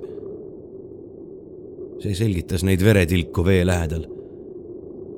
mina teadsin vähemalt, kuhu poiss oli viidud. ja kui ma mõtlesin tema rõõmsale näole ja õnnelikule naeratusele, mis säras ta näol, kui ta mulle lumepüüsid tõi, öeldes teile, kabloona valge mees. haaras mind raev. ma mõtlesin kõigele sellele läbi udu pikki jäävalli joostes, kui äkki Akkomolee keha otsa komistasin ja peaaegu pikali kukkusin. ta lebas näoli maas, surnud. kuklas auk, mille seest aju vaikselt välja voolas ilmselt oli ta istunud hülgeaugu juures ja kallaletungija oli hiilinud ta selja taha. tema valge varrukas oli katki rebitud ja arter lõhki tõmmatud. aga lumme polnud voolanud tilkagi verd. mul läks süda pahaks, kui ma taipasin, mida see tontlik mõrtsukas oli teinud. ta oli imenud arterist verd, kuni keha tühjaks sai. hülgeoda harpuun, hülgenöör ja ahing olid kadunud. aga püss nõjatus endiselt lumekamaka vastu, kuhu Akomolee oli selle asetanud. ma jätsin ta sinna lume sisse lebama. minu mured olid seotud elavatega. ma läksin tagasi iglu juurde, kus sain teada, et Innoia oli veennud Anno Ritot teki alla pugema, mida too oli pärismaalaste kombe kohaselt ihualasti ka teinud kui ma kindad käest ja kuletangi seljast võtsin, tõstis ta pilgu ja ütles tuhmi häälega. Aku Mulhe on surnud. ma olen teda näinud. kas pole see nii? siis, siis tegin ma midagi rumalat. aga ma olin šokeeritud ja mu närvid olid väga pingul. ma noogutasin nõusoleku märgiks ja ütlesin, ta on surnud. tekkis vaikus, mille jooksul oleks võinud lugeda kümneni. siis, ilma ette hoiatamata, hüppas Anno Rito püsti, sukeldus iglu madalasse ukseavasse ja põgenes röökides. oo vongakiit oo vongakiit. ma tulen, ma tulen. Olin mõne sekundiga oma kuletangis, haarasin püssi, ilma milleta ma poleks nõustunud kümmet jardigi liikuma ja jooksin talle järele, aga ehkki naine oli alasti, suutis ta säilitada vahemaad.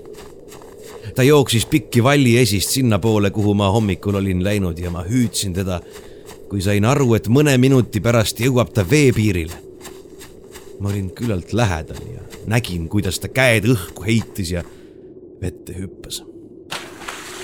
Ja tema meeleheitlik karje, oo vongakiit, kandus nõrgalt läbi udu minuni.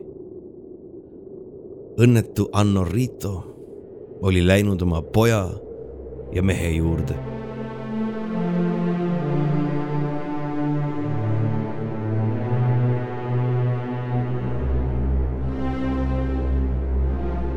Kell oli nüüd umbes neli.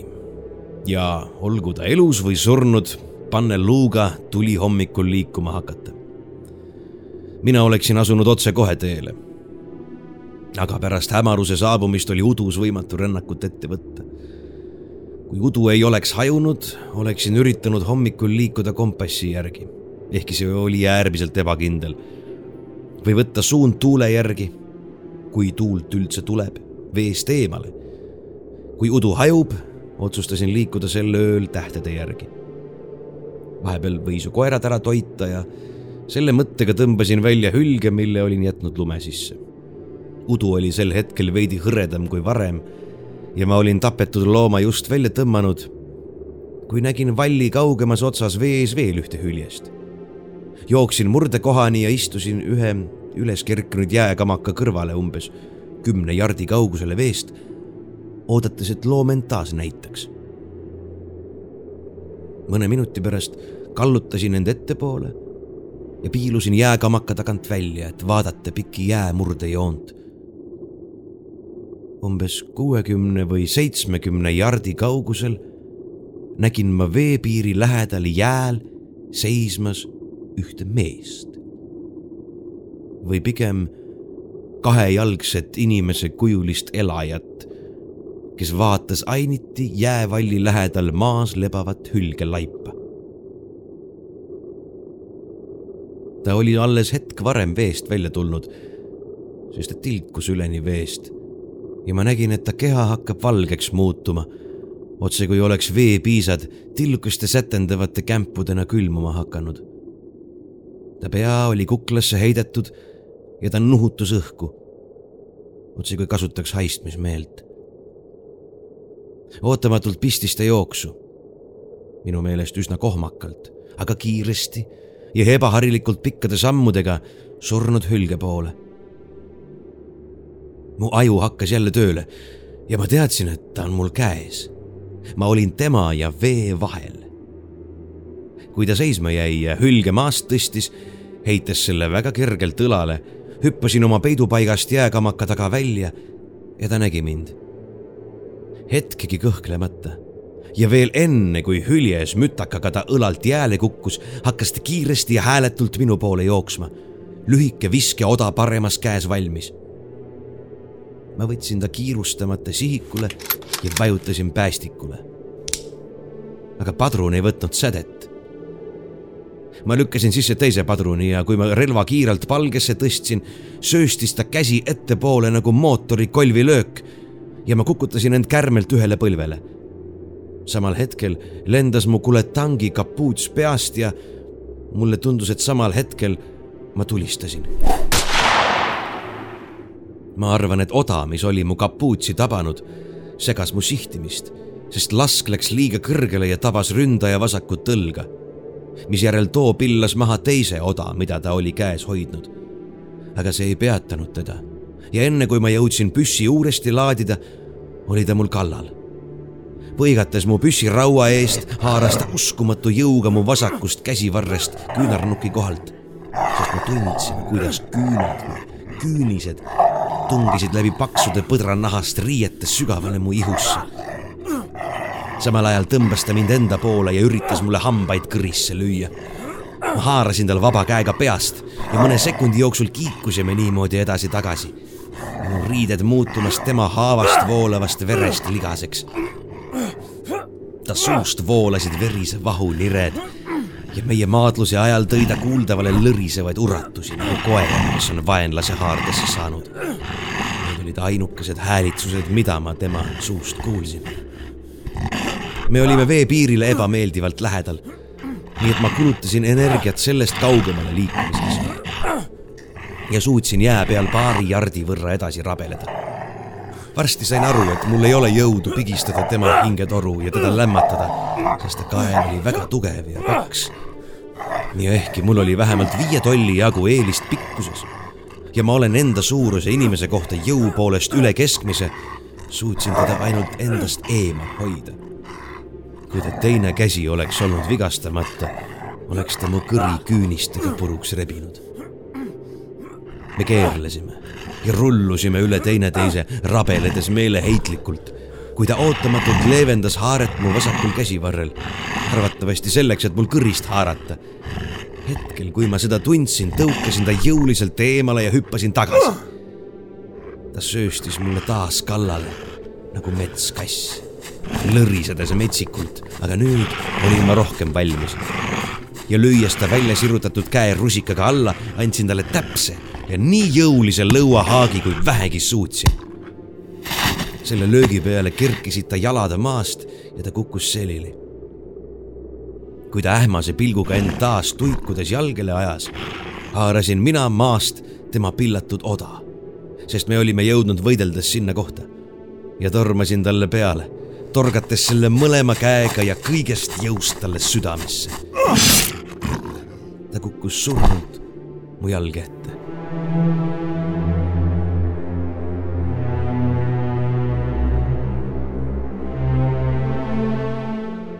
Istusin mõne minuti, süda pööritamas ja pea ringi käimas. olin pea laest jalatallani verine ja sain esimest korda aru, et see on mu enda veri. sest mu käsivarrest voolas seda nii ohtralt, et see jooksis varruka sees mööda kätt peopesani. Olevuse kirjeldamatult õudne väljanägemine, tema lehkav hingeõhk ning tema rünnaku jõhkrus ja raevukus olgugi raskelt haavatuna.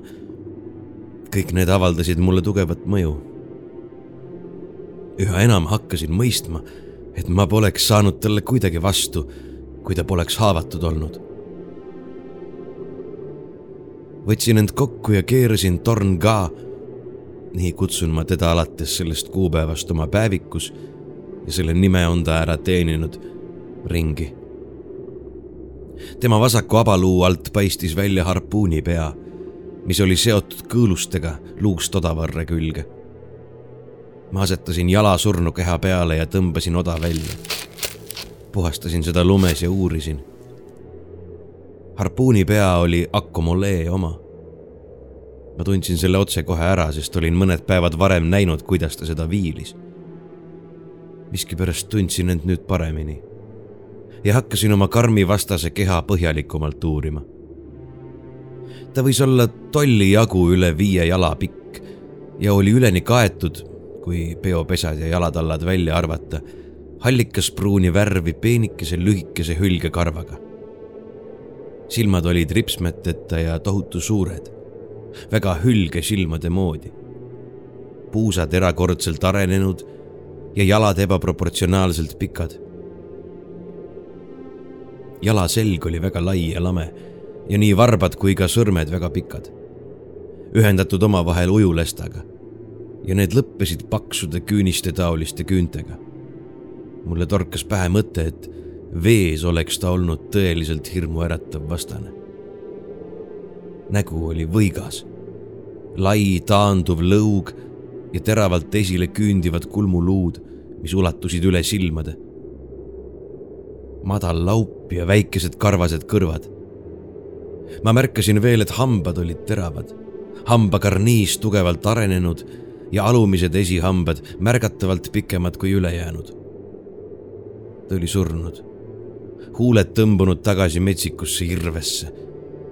Rinnast voolasid väga tumedat värvi vereojad. jäsemetes ja keres oli sujuvat ümarust, mis sai tähendada ainult ühte asja aga uudishimu rahuldamiseks võtsin noa ja tegin olevuse reie sisse pikema ja sügavama sisselõike nagu ma olin arvanud, asus naha all rohkem kui tolli paksune rasvakiht, täpselt nagu hülgel. Tagapool sellest kohast, kus ma olin põlvitanud ja tulistanud, ulatus sügavalt kõva lume seest välja luust odavars. vaatasin oma kapuutsi. oda oli selle ülemise osa ära rebinud. mingisuguse impulsi ajel vedasin surnukeha jääservani ja tõukasin vette see jäi vee pinnale hulpima. aga tugev tõusuveevool kandis selle varsti jää alla.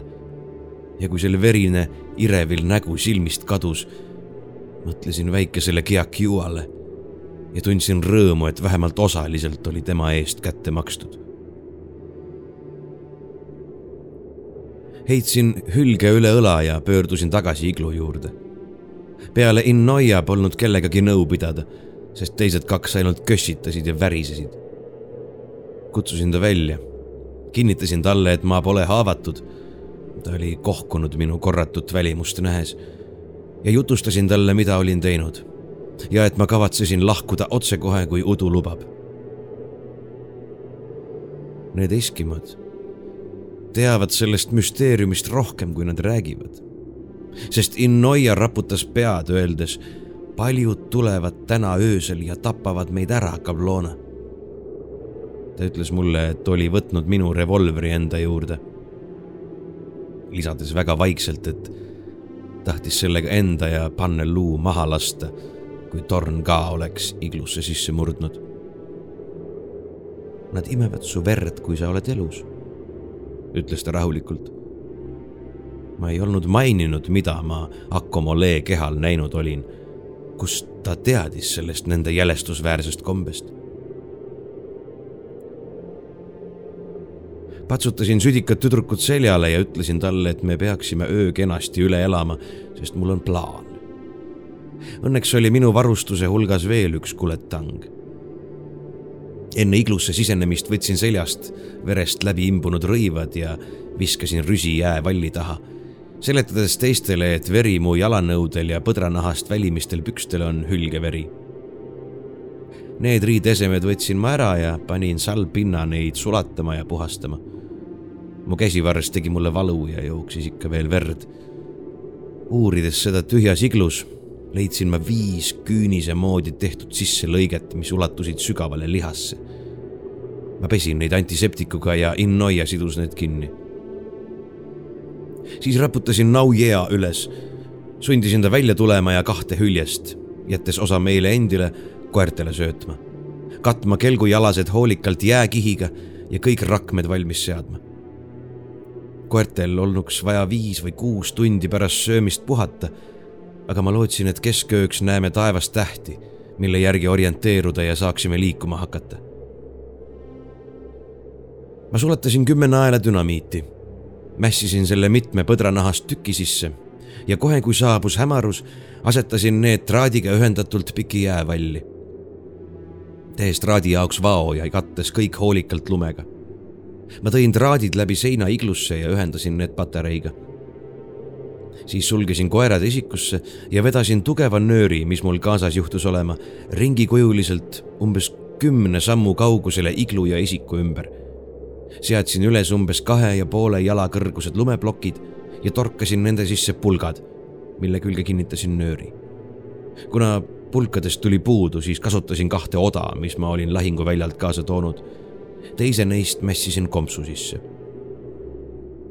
lumeplokkide vahele, täpselt keskkohta, kinnitasin meid ümbritseva nööri külge jupid, mis said veetud pabertorude kaudu iglu sisse, et nad seina külge ei külmuks. siis tõmbasin need õrnalt sirgeks ja kinnitasin väikeste puutikkude külge. nii et kui need olid löödud iglu seina sisse, tõmbas nööri pinge need paindesse. Neid oli viis tükki.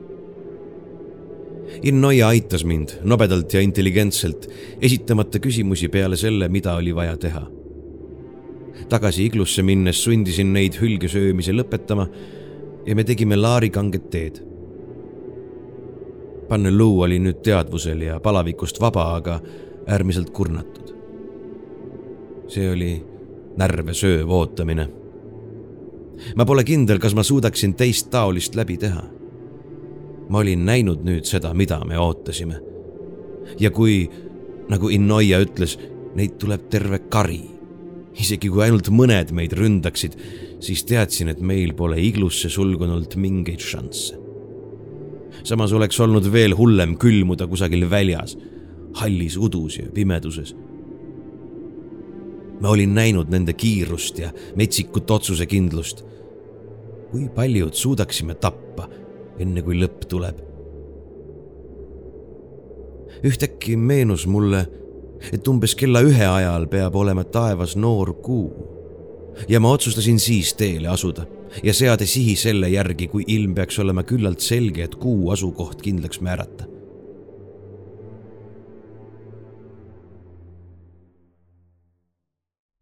Tunnid venisid aeglaselt keskööni. Naujea ja Salpinna tukastasid hooti ja ärkasid värisedes. Panneluu magas Innoia istus ta kõrval, näost hall ja ennast valitsev, sättides aeg-ajalt Eskimote lampi, aga minu revolver kogu aeg käepärast.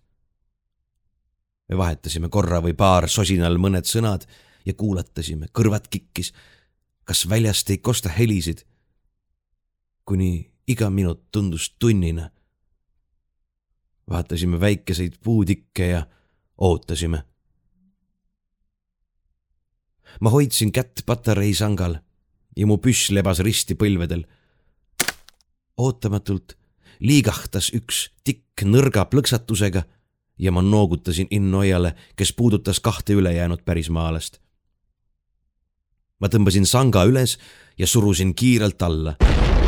plahvatuse kärgatus rebestas öövaikuse. jää värises, ähvardades iglu hävitada ja meile pudenes pähe lund koerad haugatasid hirmust korra või kaks, siis saabus vaikus. seejärel kuulsime artikuleerimata ebamaiselt võigast halamist, väga selget ja väga kõrgetoonilist. Siis saabus taas vaikus ja me kuulatasime, kuulatasime. ja siis ma sain aru, kuidas mehed mõnda neid ähvardavat nähtamatut ohtu oodates pingest hulluks lähevad. kella ühe ajal jõime veel teed ja ma hiilisin välja, et ilmaolusid uurida. udu oli kiiresti hõrenemas ja ma nägin häguselt noort kuud madalal lahtise vee kohal. Ma teadsin, et see tõuseb kirdest ja andsin käsu koerad rakendisse seada ning teele asuda näis kindel, et teen seeläbi ka Panneluu surmaotsuse, aga tõenäoliselt ootas teda ja meid teisigi veel kohutavam surm, kui me oleksime viivitanud. Now yeah töötas palavikuliselt. koerad jaotati kahe kelgu vahel. Panneluu keerati nagu muumia põdranahast vaipade sisse ja nööriti kinni ning me hakkasime liikuma tikku põlema tõmmates uurisin ma kiiresti lund väljaspool nööriringi kus ma olin selle teadlikult pehmeks kraapinud ja nägin, et tulnud oli ainult üks jäljerada. odavarras, mille külge nöör oli olnud kinnitatud, oli kadunud. viimane asi, mille ma iglust välja võtsin, oli põdranahast komps, mis sisaldas järele jäänud dünamiiti, sulatatud ning süütenööri ja sütiku ootel, kuute puuritera ja haamripead ma asetasin dünamiidi pannelluu tekkide vahele, et see ära ei külmuks. süütenöör oli märgitud pooleminutilisteks juppideks. pannelluu sai aru kõigest, mida me teeme ja ta sosistas mulle. maale, Kablona, mine maale. tornkaad ei tule sinna.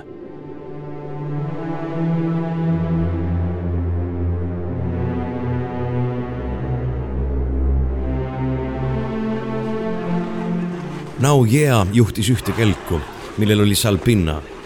naine kõndis suurte valudega, sest haav tema jalas oli sügav. kuni päevavalgeni olin mina ees teise kelguga, mille koeri ajas Innoia. Nau Jeal oli üheksa ja minul kaheksa koera. aga minu kelgu omadest olid kolm mõne päeva eest söödud mürgist väga nõrgad ja neli Nau Jea koera olid kutsikad. Innoia sai erinevate koerte juhtimisega imelise vilumusega hakkama. Kella kolmeks oli valge ja poole nelja ajal tõusis õnnistatud päike, ajades laiali viimased uduriismed. iial varem pole ma temast rohkem rõõmu tundnud. ja meist kagu pool, umbes kahekümne viie miili kaugusel oli järsk Somerseti põhjarannik. meie selja taha jäi Hingede saare kirdeserv ja selle lähedal ulatudes kaugele idasse, kerkis liikumatus külmas õhus vee ja jää piirilt udukardil. taevas peegelduv tume laik selle taga märkis suure veemassi asukohta. meie iglusid polnud näha, aga need pidid olema väga lähedal Hingede saare kirdeserval. hele hommikupäike valgustas meie nägusid. meie südamed tuksusid rõõmsalt ja mõne tunni tagused õudused näisid mingisuguse halva une näona. kuni mu mõtted peatusid väikesel rõõmsameelsel Kiakiual ja sellel, kuidas ma olin ta isa sinna eemale jääle lebama jätnud. see polnud unenägu, vaid sünge reaalsus. ma ütlesin Nau Jeale, et ta läheks ette, hoiatades teda, et ma tulistan teda, kui ta ei peaks kelgu peale jääma, vaid üritaks ära joosta ka Innoia hüüdis talle sama sõnumi ja lisas omalt poolt. ja sa tead, et Kablona laseb harva mööda. me kõmpisime kelkude kõrvale ka säästnud piitsa. Innoia käsitses seda ja selle kahekümne seitsme jala pikkust piugu sama oskuslikult kui ükskõik milline päris elanik, keda ma näinud olen. varsti pärast päikesetõusu jõudsime üsna konarlikule jääle mis polnud küll nii hull, et meie edasiliikumist tõsiselt takistada. ent see hõõrus kelgu jalastelt jääkingad maha, nii et neid oli raskem vedada. kõndimine oli raske, kuid me saime hästi hakkama ja tänu kelkude oskuslikule käsitsemisele hoidsime eemale kõigist suurematest ja nukilisematest jääkühmudest. aga see kõik pidurdas meie minekut. poole seitsmeks olime ilmselt viieteistkümne või kuueteistkümne miili kaugusel maast ja liikusime tubli viis miili tunnis. aga mõned meie koerad hakkasid väsima. üks heitis lõpuks maha ja ta tuli rakendist välja võtta. varsti pärast seda lasime kaks Nau Jea kutsikat lahti. aga nad järgnesid meile ja jõudsid lõpuks maale. erinevalt meie koerast, kes enam ei tõusnud. kella seitsme ajal ronisin ühe jääkamaka otsa ja vaatasin teleskoobiga tagasi. ma märkasin kohe mitut musta täppi, mis tulid ebaühtlase rivina meie jälge pidi. Nad olid umbes viie või kuue miili kaugusel. ma jooksin kelgule järele ja rääkisin sellest vaikselt Innoiale. veel polnud mõtet teisi hirmutada. ta heitis vaid pilgu revolvrile, mis lebas köite all tupes ning keskendus kelgule ja koertele ta oli kõige vapram inimene, olgu mees või naine, keda ma eales kohanud olen. me peatusime kaheks või kolmeks minutiks, et jälgi hävitada ja mina võtsin samal ajal välja dünamiidikompsu.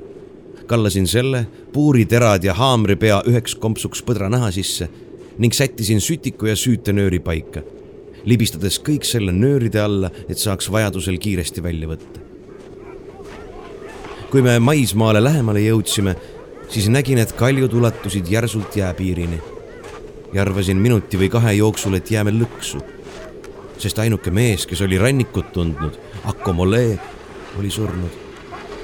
mõne aja pärast märkasin siiski pikksilma abil väikest abajat, võib-olla kolmveerand miili laia ja üsna sügavat, mille juurest võis mööda järsku tõusu maale jõuda. nii et ma jooksin kiiresti edasi ja näitasin Nau Jeale, kuhu poole rihtida näis, et ta kontrollib oma närve nüüd kindlamalt, sest ta vastas olgu nii üsnagi rõõmsalt. võib-olla ta arvas, et ta võib jooksu pista ja üksinda maale jõuda, kui häda käes on. ehkki ma võin temast niimoodi mõeldes talle liiga teha. asjaolu, et päriselanikud olid üldse julgenud sellesse piirkonda tulla, teades seda, mida nad teadsid, muutis nende väited, et maismaal oleme pääsenud, usaldusväärsemaks. Minu mõistus keeldus ikkagi seda silmanähtavalt jaburat väidet uskumast. kui meie jälitajad suutsid liikuda lumega kaetud jääl, siis loomulikult suudavad nad seda teha ka maismaal. ent kuidagi olin ma pärismaalaste keskel viibides ikkagi nakatatud täiesti ebamõistlikust usust, et oleme pääsenud, kui jõuame terra firma peale. poole kaheksa ajal oli The Torn God umbes ühe miili kaugusel ja lähenesid meile kiiresti. Nad olid hargnenud ebaühtlaselt risti üle meie jäljeraja. aga ma tundsin heameelt, kui nägin, et mitmed neist jäid kõvasti maha. tempo pidi neile tunda andma, sest meie alustasime liikumist ilmselt oluliselt varem. Neid näis olevat vähemalt sada. Lõpuks jõudsime ühe väikese jäävalli juurde ja kohe, kui olime sellest möödunud, mõõtsin väga täpselt aega. meie esimene jälitaja jõudis valli teisele poolele täpselt kuue ja poole minuti pärast ma lõikasin süütenööri, süütasin selle, asetasin suitseva paki jää peale ja jooksin edasi, kell käes. umbes kümme sekundit enne seda, kui laeng pidi plahvatama, jäin ma seisma ja vaatasin pikksilmaga tagasi. Lähimad torngaad olid jõudnud kompsuni ja seisid selle ümber. teisi tuli iga sekundiga juurde tiibadele hargnenud olevused olid samuti seisma jäänud ja nad kõik näisid ootavat ühte endi seast, sest nad vaatasid tagasi. siis jõudis nendeni üks teistest peajagu pikem torn ka. tormas ringis seisva otsustusvõimetu kamba keskele ja näitas kätega vehkides meie poole. Samal hetkel plahvatas lõhkelaeng kui lumetolm ja suits hajusid lugesin kokku kuus lumel lebavat keha.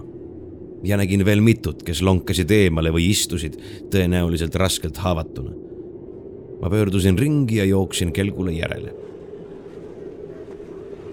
kui ma rääkisin Innoiale, mida ma näinud olin, surus ta huuled mornilt kokku ja ütles. See tasub veidike võlga Kiakiua ja Akomolee eest ma küsisin, kas ta on hiljuti Panneluu olukorda kontrollinud. ma polnud mehe peale mõnda aega mõelnud ja mulle turgatas pähe, et kui ta on surnud, siis lõikaksime nöörid lahti ja jätaksime ta maha. naine noogutas, öeldes ta magab, jätkates seejärel koerte kannustamist.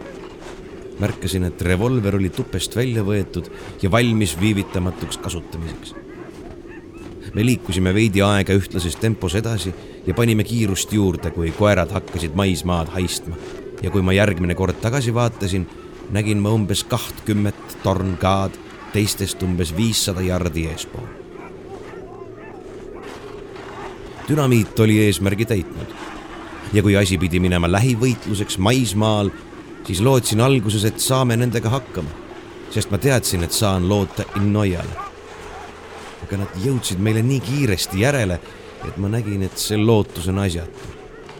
ja ma mõtlesin üha kasvava hirmuga metsikule järjekindlusele, mida vaid päev varem oli üks neist üles näidanud. ja too oli olnud raskelt haavatud.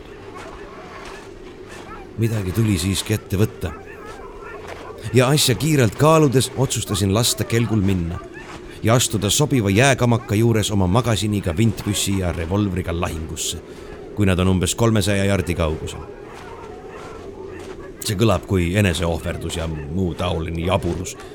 aga tegelikult oli see lihtsalt terve mõistus. oleks olnud absurdne mitte kasutada tulirelvade eeliseid ja lasta nad lähedale ja meid nurka ajada. ma poleks seda maininudki, aga tegin seda Innoia pärast, tema rolli pärast. ma rääkisin talle oma kavatsusest, mispeale ta ütles, jah, Carlona aga me võtame kõik bussid ja mina jään ka maha ja aitan sul laadida. koerad näevad nüüd maad ega jää seisma. ma keeldusin seda lubamast, aga ta oli vaikselt kangekaelne. öeldes, et ta võib ka ise tulistada ja siis minu püssi laadida, kui mina samal ajal teistest tulistan. ta võttis revolvri kätte ja riputas paelapidi kaela, öeldes rahulikult, see on otsustatud. ära sellest enam räägi. ma võtan kelgult kohe kaks püssi, kui sa märku annad. sina võtad teised ja padrunekotti. korraga ta hüüatas. kus on see asi, mis suitseb? süütenöör. see peab neid natuke kinni. tabu. Ma polnud sellele mõelnudki. poole minutiga olin mässinud järele jäänud süütenööri põdranaha sisse, süüdanud selle mõlemast otsast, et rohkem suitsu tekiks, seda tuli kõvasti ja asetasin lumele. see oli täiesti ohutu, aga bluff võis õnnestuda. lähim torn ka oli meist umbes neljasaja jardi kaugusel ja kui nad nägid suitsevat kompsu, jäid nad mõneks sekundiks seisma ja tegid siis mõlemalt poolt suure kaare, mis võimaldas meil edumaad oluliselt suurendada. umbes sel ajal hakkas veel üks koer vankuma ja kukkus maha. aga Innoia oli teda jälginud ja haaranud kelgult noa, lõikas ta selle koera rakmed teise peatamata läbi. siis hõikas meile midagi Nau Jea kes oli umbes sada jardi eespool ja Innoia ütles. Ta ütleb, et lumi on lahes veega üle ujutatud. loomulikult hiliskevadine sula ja see kõik on sile jää. ta heitis pilgu selja taha. me jõuame maale, Kablona, ütles ta vaikselt. Koja nimik. ma olen rõõmus. rõõmus kuigi olin väga kurnatud, karjusin rõõmsalt hurraa, hurraa, Innoia. Aga tema vaid naeratas vastuseks, keerutas vilunult piitsa ja kannustas väsinud koeri. nüüd jooksime teineteisel pool kelku. isegi lombakas salpinna hoidis nööridest kinni ja lonkas kohmakalt kaasa. ma vaatasin tagasi nägin jäises õhus selgelt lähima torn ka hingeõhku ja vilksamisi tema metsikute nägu. ta oli ilmselgelt väsinud ja ma märkasin, et ta jooksis lambjalgselt ja kohmakalt, aga pikkade hüppavate sammudega, mis viisid teda kiiresti edasi. mõned ta kaaslased lonkasid. kui Nau Jea jõudis siledale jääle, jooksis ta koertest ette, et neid julgustada hetke jooksul tundus mulle, et ta põgenes kelgult. ja need, teades, et maa tähendab neile puhkust, hakkasid väsinult galoppi jooksma. Salpinna suutis kelgule püsima jääda. Vahetult enne jääle jõudmist tulistasin tagaajajate pihta ja tabasin juhtumisi ühte neist jalga, nii et too pikali kukkus. teised ei peatunud ega pööranud talle vähimatki tähelepanu, vaid jooksid kangekaelselt edasi Innoia kiirustas koeri hõigete ja piitsaga ning kui me jõudsime siledale, peaaegu veatule jääle, kui välja arvata mõned jääkristallid, mis koertele jalatuge pakkusid, galopeerisid nad muudkui edasi ja me võisime istuda kelgul, ilma et selle kiirus oleks vähenenud. nii libedalt liikus see. me vaatasime üksteist meie kapuutsid ja koletangide rinnaesised olid jäätunud hingeõhust valged ja me aurasime higist. mina olin üsna omadega läbi, sest ma polnud algusest peale kelgu peal istunud. Innoia, keda ma nägin kogu rännaku jooksul kelgu peal ainult aeg-ajalt, kui ta panneluud vaatas, tundus endiselt aktiivne ja väsimatu. ta äratas panneluu üles ja ütles talle, et hakkame maale jõudma. ja õnnetu mehe kahvatu nägu lõi särama, kui ta ütles see on hea. ma sain alles hiljem aru, kui täielikult mõistis tema meie põgenemist surma eest. millise surma eest? viimase miili üle sileda jää, mis oli ka meie jälitajatele libe jalgealune, me peaaegu säilitasime vahemaad. ehkki kaldajääle jõudes ei olnud lähim torn ka meist kaugemal kui kakssada jardi tema tagatulijad olid seisma jäänud ja vahtisid meie poole. mind haaras tänutunde hoog, sest ma sain nüüd aru Eskimote kinnitusest. maale nad ei tule. Meil oli kaldajääl nii palju tegemist kelgu juhtimise ja tasakaalus hoidmisega, et lähima torn ka pärast muret tunda. aga kaldal, kui too ikka veel kangekaelselt edasi rühkis, võtsin püssi kätte ja pöörasin ringi. ta oli ainult viiekümne või kuuekümne jardi kaugusel ja ma ei saanud mööda lasta. ta langes näoli maha tal oli samasugune metsik irevil suuga nägu, nagu ma olin näinud veepiiril ja jäi liikumatult lamama. tema ootavad kaaslased keerasid ringi ja hakkasid kiirustamata kõmpima samas suunas, kust me olime tulnud.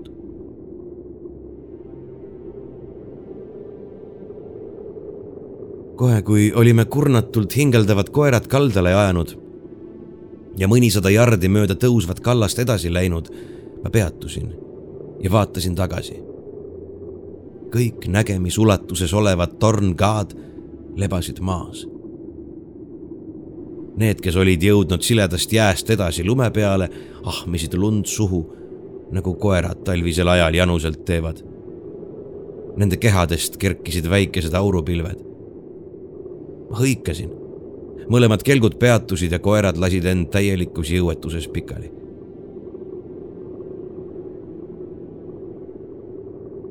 enne tornkaade lõplikku silmist kadumist juhtus veel üks hämmastav intsident. kui me üle lahe liikuma hakkasime, ilmus lõunatipu juurest nähtavale suur karu ja suundus vastastipu poole. otsekohe lebasid kõik tornkaad liikumatult maas kergitades ainult aeg-ajalt pead ja vaadates nagu hülged, kes on kevadel jääle magama tulnud. ma poleks ka kõige lähemate neist ilma pikksilmata hülgest eristada suutnud. kerge maatuul puhus karu poolt tornkaade suunas ja kui loom nägi varasel aastaajal tema jaoks nii meeldivat ning ebaharilikku vaatepilti, siis arvas ta ilmselt, et oletatavad hülged tunnevad varsti tema lõhna nii et ta sööstis lähima grupi poole, lootes ühe kinni püüda, enne kui see jääaugust sisse lipsab. kui karu oli kümne sammu kaugusel lähimast tornkaast, hüppas see püsti ja järgmisel hetkel oli kümmekond tükki karu kallal, lüües lühikesi luust odasid talle külje sisse ja hüpates jälle hämmastava kõrgusega tagasi. iga odalöögi järel kostis valu ja viha möiratus üks torn ka, kes libises tagasi hüpates, jäi karu võimsa käpalöögi ulatusse ja tapeti otse kohe hoobiga, mis rebis tal pool pead otsast. teisi ei peatanud see vähimalgi määral ja kolme minuti pärast oli kõik läbi. üks olevus tõmbas karu kere noaga, kas ränist, luust või metallist, seda ma ei näinud, kõrist sabani lõhki ja järgmisel hetkel rebisid nad hammastega auravat liha ja jõid verd. ma nägin pikksilmaga selgelt selle inimhuntide karja meenutavate liikmete metsikuid vereplekilisi nägusid. see oli iiveldama ajav vaatepilt. ma oleksin võinud ju pika distantsi pealt oma püssi täpsust proovida. aga ausalt öeldes oli mul neist kõrini tahtsin lihtsalt ära minna. nüüd ei pakkunud meie liikumised neile vähimatki huvi. ehkki nad olid meid umbes nelikümmend miili järeleandmatult taga ajanud. ma ei oska sellele mingit selgitust pakkuda, aga nad ei julgenud tulla maismaale ehkki nad olid inimese jälestusväärsed paroodiad, olid neil erakordselt arenenud arusaamad julgusest ja hirmust mingi nende olemuse salapärane instinkt käskis neil elada ja tappa ainult soolasel merel. pöörasin tähelepanu taas kelkudele ja nägin, et Innoia annab pannelluule natuke veega lahjendatud brändit, mis me olime plaskuga talle tekkide vahele pistnud. naine oli küllalt rahuliku olemisega. aga kui ta revolvri taas tuppe torkas ja selle rihmaga kinnitas, voolasid mööda ta põski alla mõned pisarad. mul pole vähimatki kahtlust, et ta oleks relva lõpuks, kui igasugune lootus oleks kadunud, enda hukkamiseks tarvitanud. lõvisüdamega innoia. et sa leiaks endale väärilise kaasa ja oleksid ühel päeval ema paljudele lastele, kes on sama kangelaslikult vaprad, külmaverelised ja leidlikud. See oleks sinu hõimule ja rahvale suureks kasuks. me rühkisime mööda tõusu üles Kiltmaale. liikusime tund aega edasi, ehitasime iglu ja heitsime magama. me olime toiduta, kurnatud ja meie verest täitunud silmad vajasid und. aga meid ei ähvardanud oht.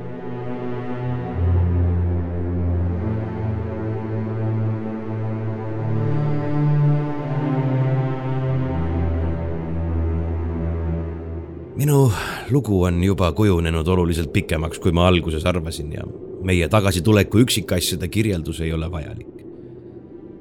me leidsime rohkesti põtru, ravitsesime panneluu taas terveks ja jõudsime viieteistkümnendal aprillil Leopoldi saarele. ma oleksin võinud minna lattu, kuigi koertest oli puudus. aga seal pinnajalg vajas pidevat sidemete vahetamist, kuna kõik õmblused olid lahti tulnud ja ei tema ega loomulikult ka panneluu suutnud kõndida. ka minu käsi oli tugevalt üles paistetanud ja vaevas mind omajagu ning kergemad haavad, mis ma veepiiril võideldes sain, mädanesid ja valutasid tugevalt. oli õnn, et olin neid kohe puhastanud, sest muidu oleks kahtlemata tekkinud tõsine mürgitus. ja seepärast otsustasin jääda Leopoldi saarele laeva ootama. kajakist, muide Innoia ettepanek, oli palju kasu ja meil ei tulnud peaaegu nelja kuu pikkuse viivituse ajal toidust puudu mulle isiklikult oli kaldapiirkonnast kõrini ja ma küttisin põtru sisemaal. aga päriselanikud ei kartnud midagi, kinnitades veendunult, et Põhja-Somersetist ida pool pole torngaasid kunagi nähtud. oli peaaegu võimatu sundida kohalikke nendest üldse midagi rääkima. aga Leopoldi saarel viibitud aja jooksul õnnestus mul panneluu käest natuke midagi teada saada torngaasid on nähtud lebamas kaldast eemal kividel, aga mitte kunagi maismaal. ta ütles, et nad sigivad hingede saarel, mis olevat nende maa. ent jäi väga ebamääraseks ja väitis, et ükski Eskimo, kes oli seal käinud, polnud neid kaldal näinud. Kas nad on seal siis käinud, küsisin. Armi, ma ei tea, vastas ta põiklevalt lisades, et nad, torngaad, on nagu hülged ja elavad vees. miks ei tule nad siia või Ponsi lahte, kui nad vees elavad, küsisin mina. ma ei tea, vastas ta. keegi peale surnute hingede ei tea nende kohta midagi ja nendest pole üldse hea rääkida, sest siis tuleb kuri sulle kallale see oli kõik, mis ma temalt välja pinnisin. ja see rahuldas mind sama vähe nagu ilmselt ka lugejat. aga see on kõik, mis ma päris elanikelt teada sain. teisel augustil ilmus nähtavale minu laev. ja ma sain teada, et juba aasta aega oli käimas suur sõda.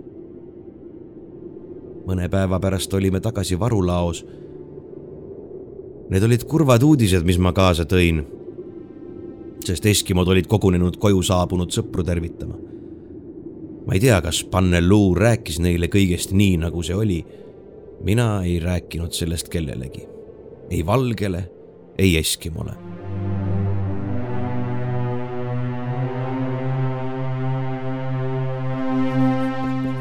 ma püüdsin selle loo kirja panna nii selgelt ja avameelselt, kui suutsin pidades meeles, et seda loevad inimesed, kes ei ole enamasti tuttavad arktiliste tingimustega ja sealse eluviisi ning liikumismeetoditega. see peab mind vabandama, et olin tihti sõna ohter. ma oleksin võinud lisada veel mõne lehekülje jagu üksikasju, aga neil poleks olnud midagi pistmist peamise eesmärgiga. Nimelt kaugel põhjas elava seni tundmatu ja kujuteldamatu looma olemasolu avaliku teadvustamisega üks mu teadlasest sõber saatis mulle selle loo käsikirja tagasi koos järgmise lühikese kommentaariga. tee seda veidi värvikamaks, see on liiga tuim, et olla tõsi. kui mul oleks antud elavat kujutlusvõimet ja kirjanduslikku annet, võiksin kahtlemata lugu ümber töötada ja seda veidi värvikamaks teha. lisades põnevatele episoodidele kõiksugu detaile, et see oleks veel sensatsioonilisem ja elevust tekitavam ja tõest oluliselt kaugemal hiljem hakkas seesama sõber mulle tõestama, kui absurdne on mõte, et vesi saaks olla inimorganismi elukeskkonnaks. mina ei väida, et tornkaad on inimesed. ja ma ei tea midagi nende organismi eripäradest. Aastamiljonite eest, enne kui elu meie planeedi maismaa osal tekkis, kihas see, nagu me teame, vees täie hooga. ja nende tundmatute aegade loomade järeltulijad on hülged morsad ja vaalad, kelle loendamatutele karjadele arktilised mered koduks on. lugesin kord ühest ajakirjast artiklit Java saarelt leitud fossiilsest skeletist, mis ei kuulunud ei ahvile ega inimesele. Nad panid sellele nimeks Pithecanthropus. miks ei või meredes, kust elu kunagi alguse sai, olla peidus seni avastamata ürgse elu saladusi mis on varjatud soojaverelisest elust kihavates arktilistes vetes. miks? ah, mis kasu sellest on? mina ei ole teadlane. ma ei saa tõestada oma väiteid pikkade sõnadega, aga ma tean, mida ma olen näinud, kellega võidelnud ja keda tapnud ma tean, kuidas ma sain need viis kummalist armi, mida ma kannan vasakul käsivarrel ja kust sain väikese Narvali sarvest oda, mis mu seina peal ripub. minule nendest piisab. ja ma tean ka seda, millist hirmu tunneb tagaaetav loom, kui surm tal kiirel sammul kannul liigub. Talvitagu mõni loodusteadlane seal, kus käisin mina. Ja toogu mõni eksemplar elava või surnuna koju kaasa. Aga ta ei leia Hudsoni lahest Lancasteri väinani ühtegi eskimot, kes temaga koos sinna jääks. ja mis puutub minusse, teate, Ameerikas ja Euroopas kokku ei ole nii palju raha, et meelitada mind uuesti hingede saarele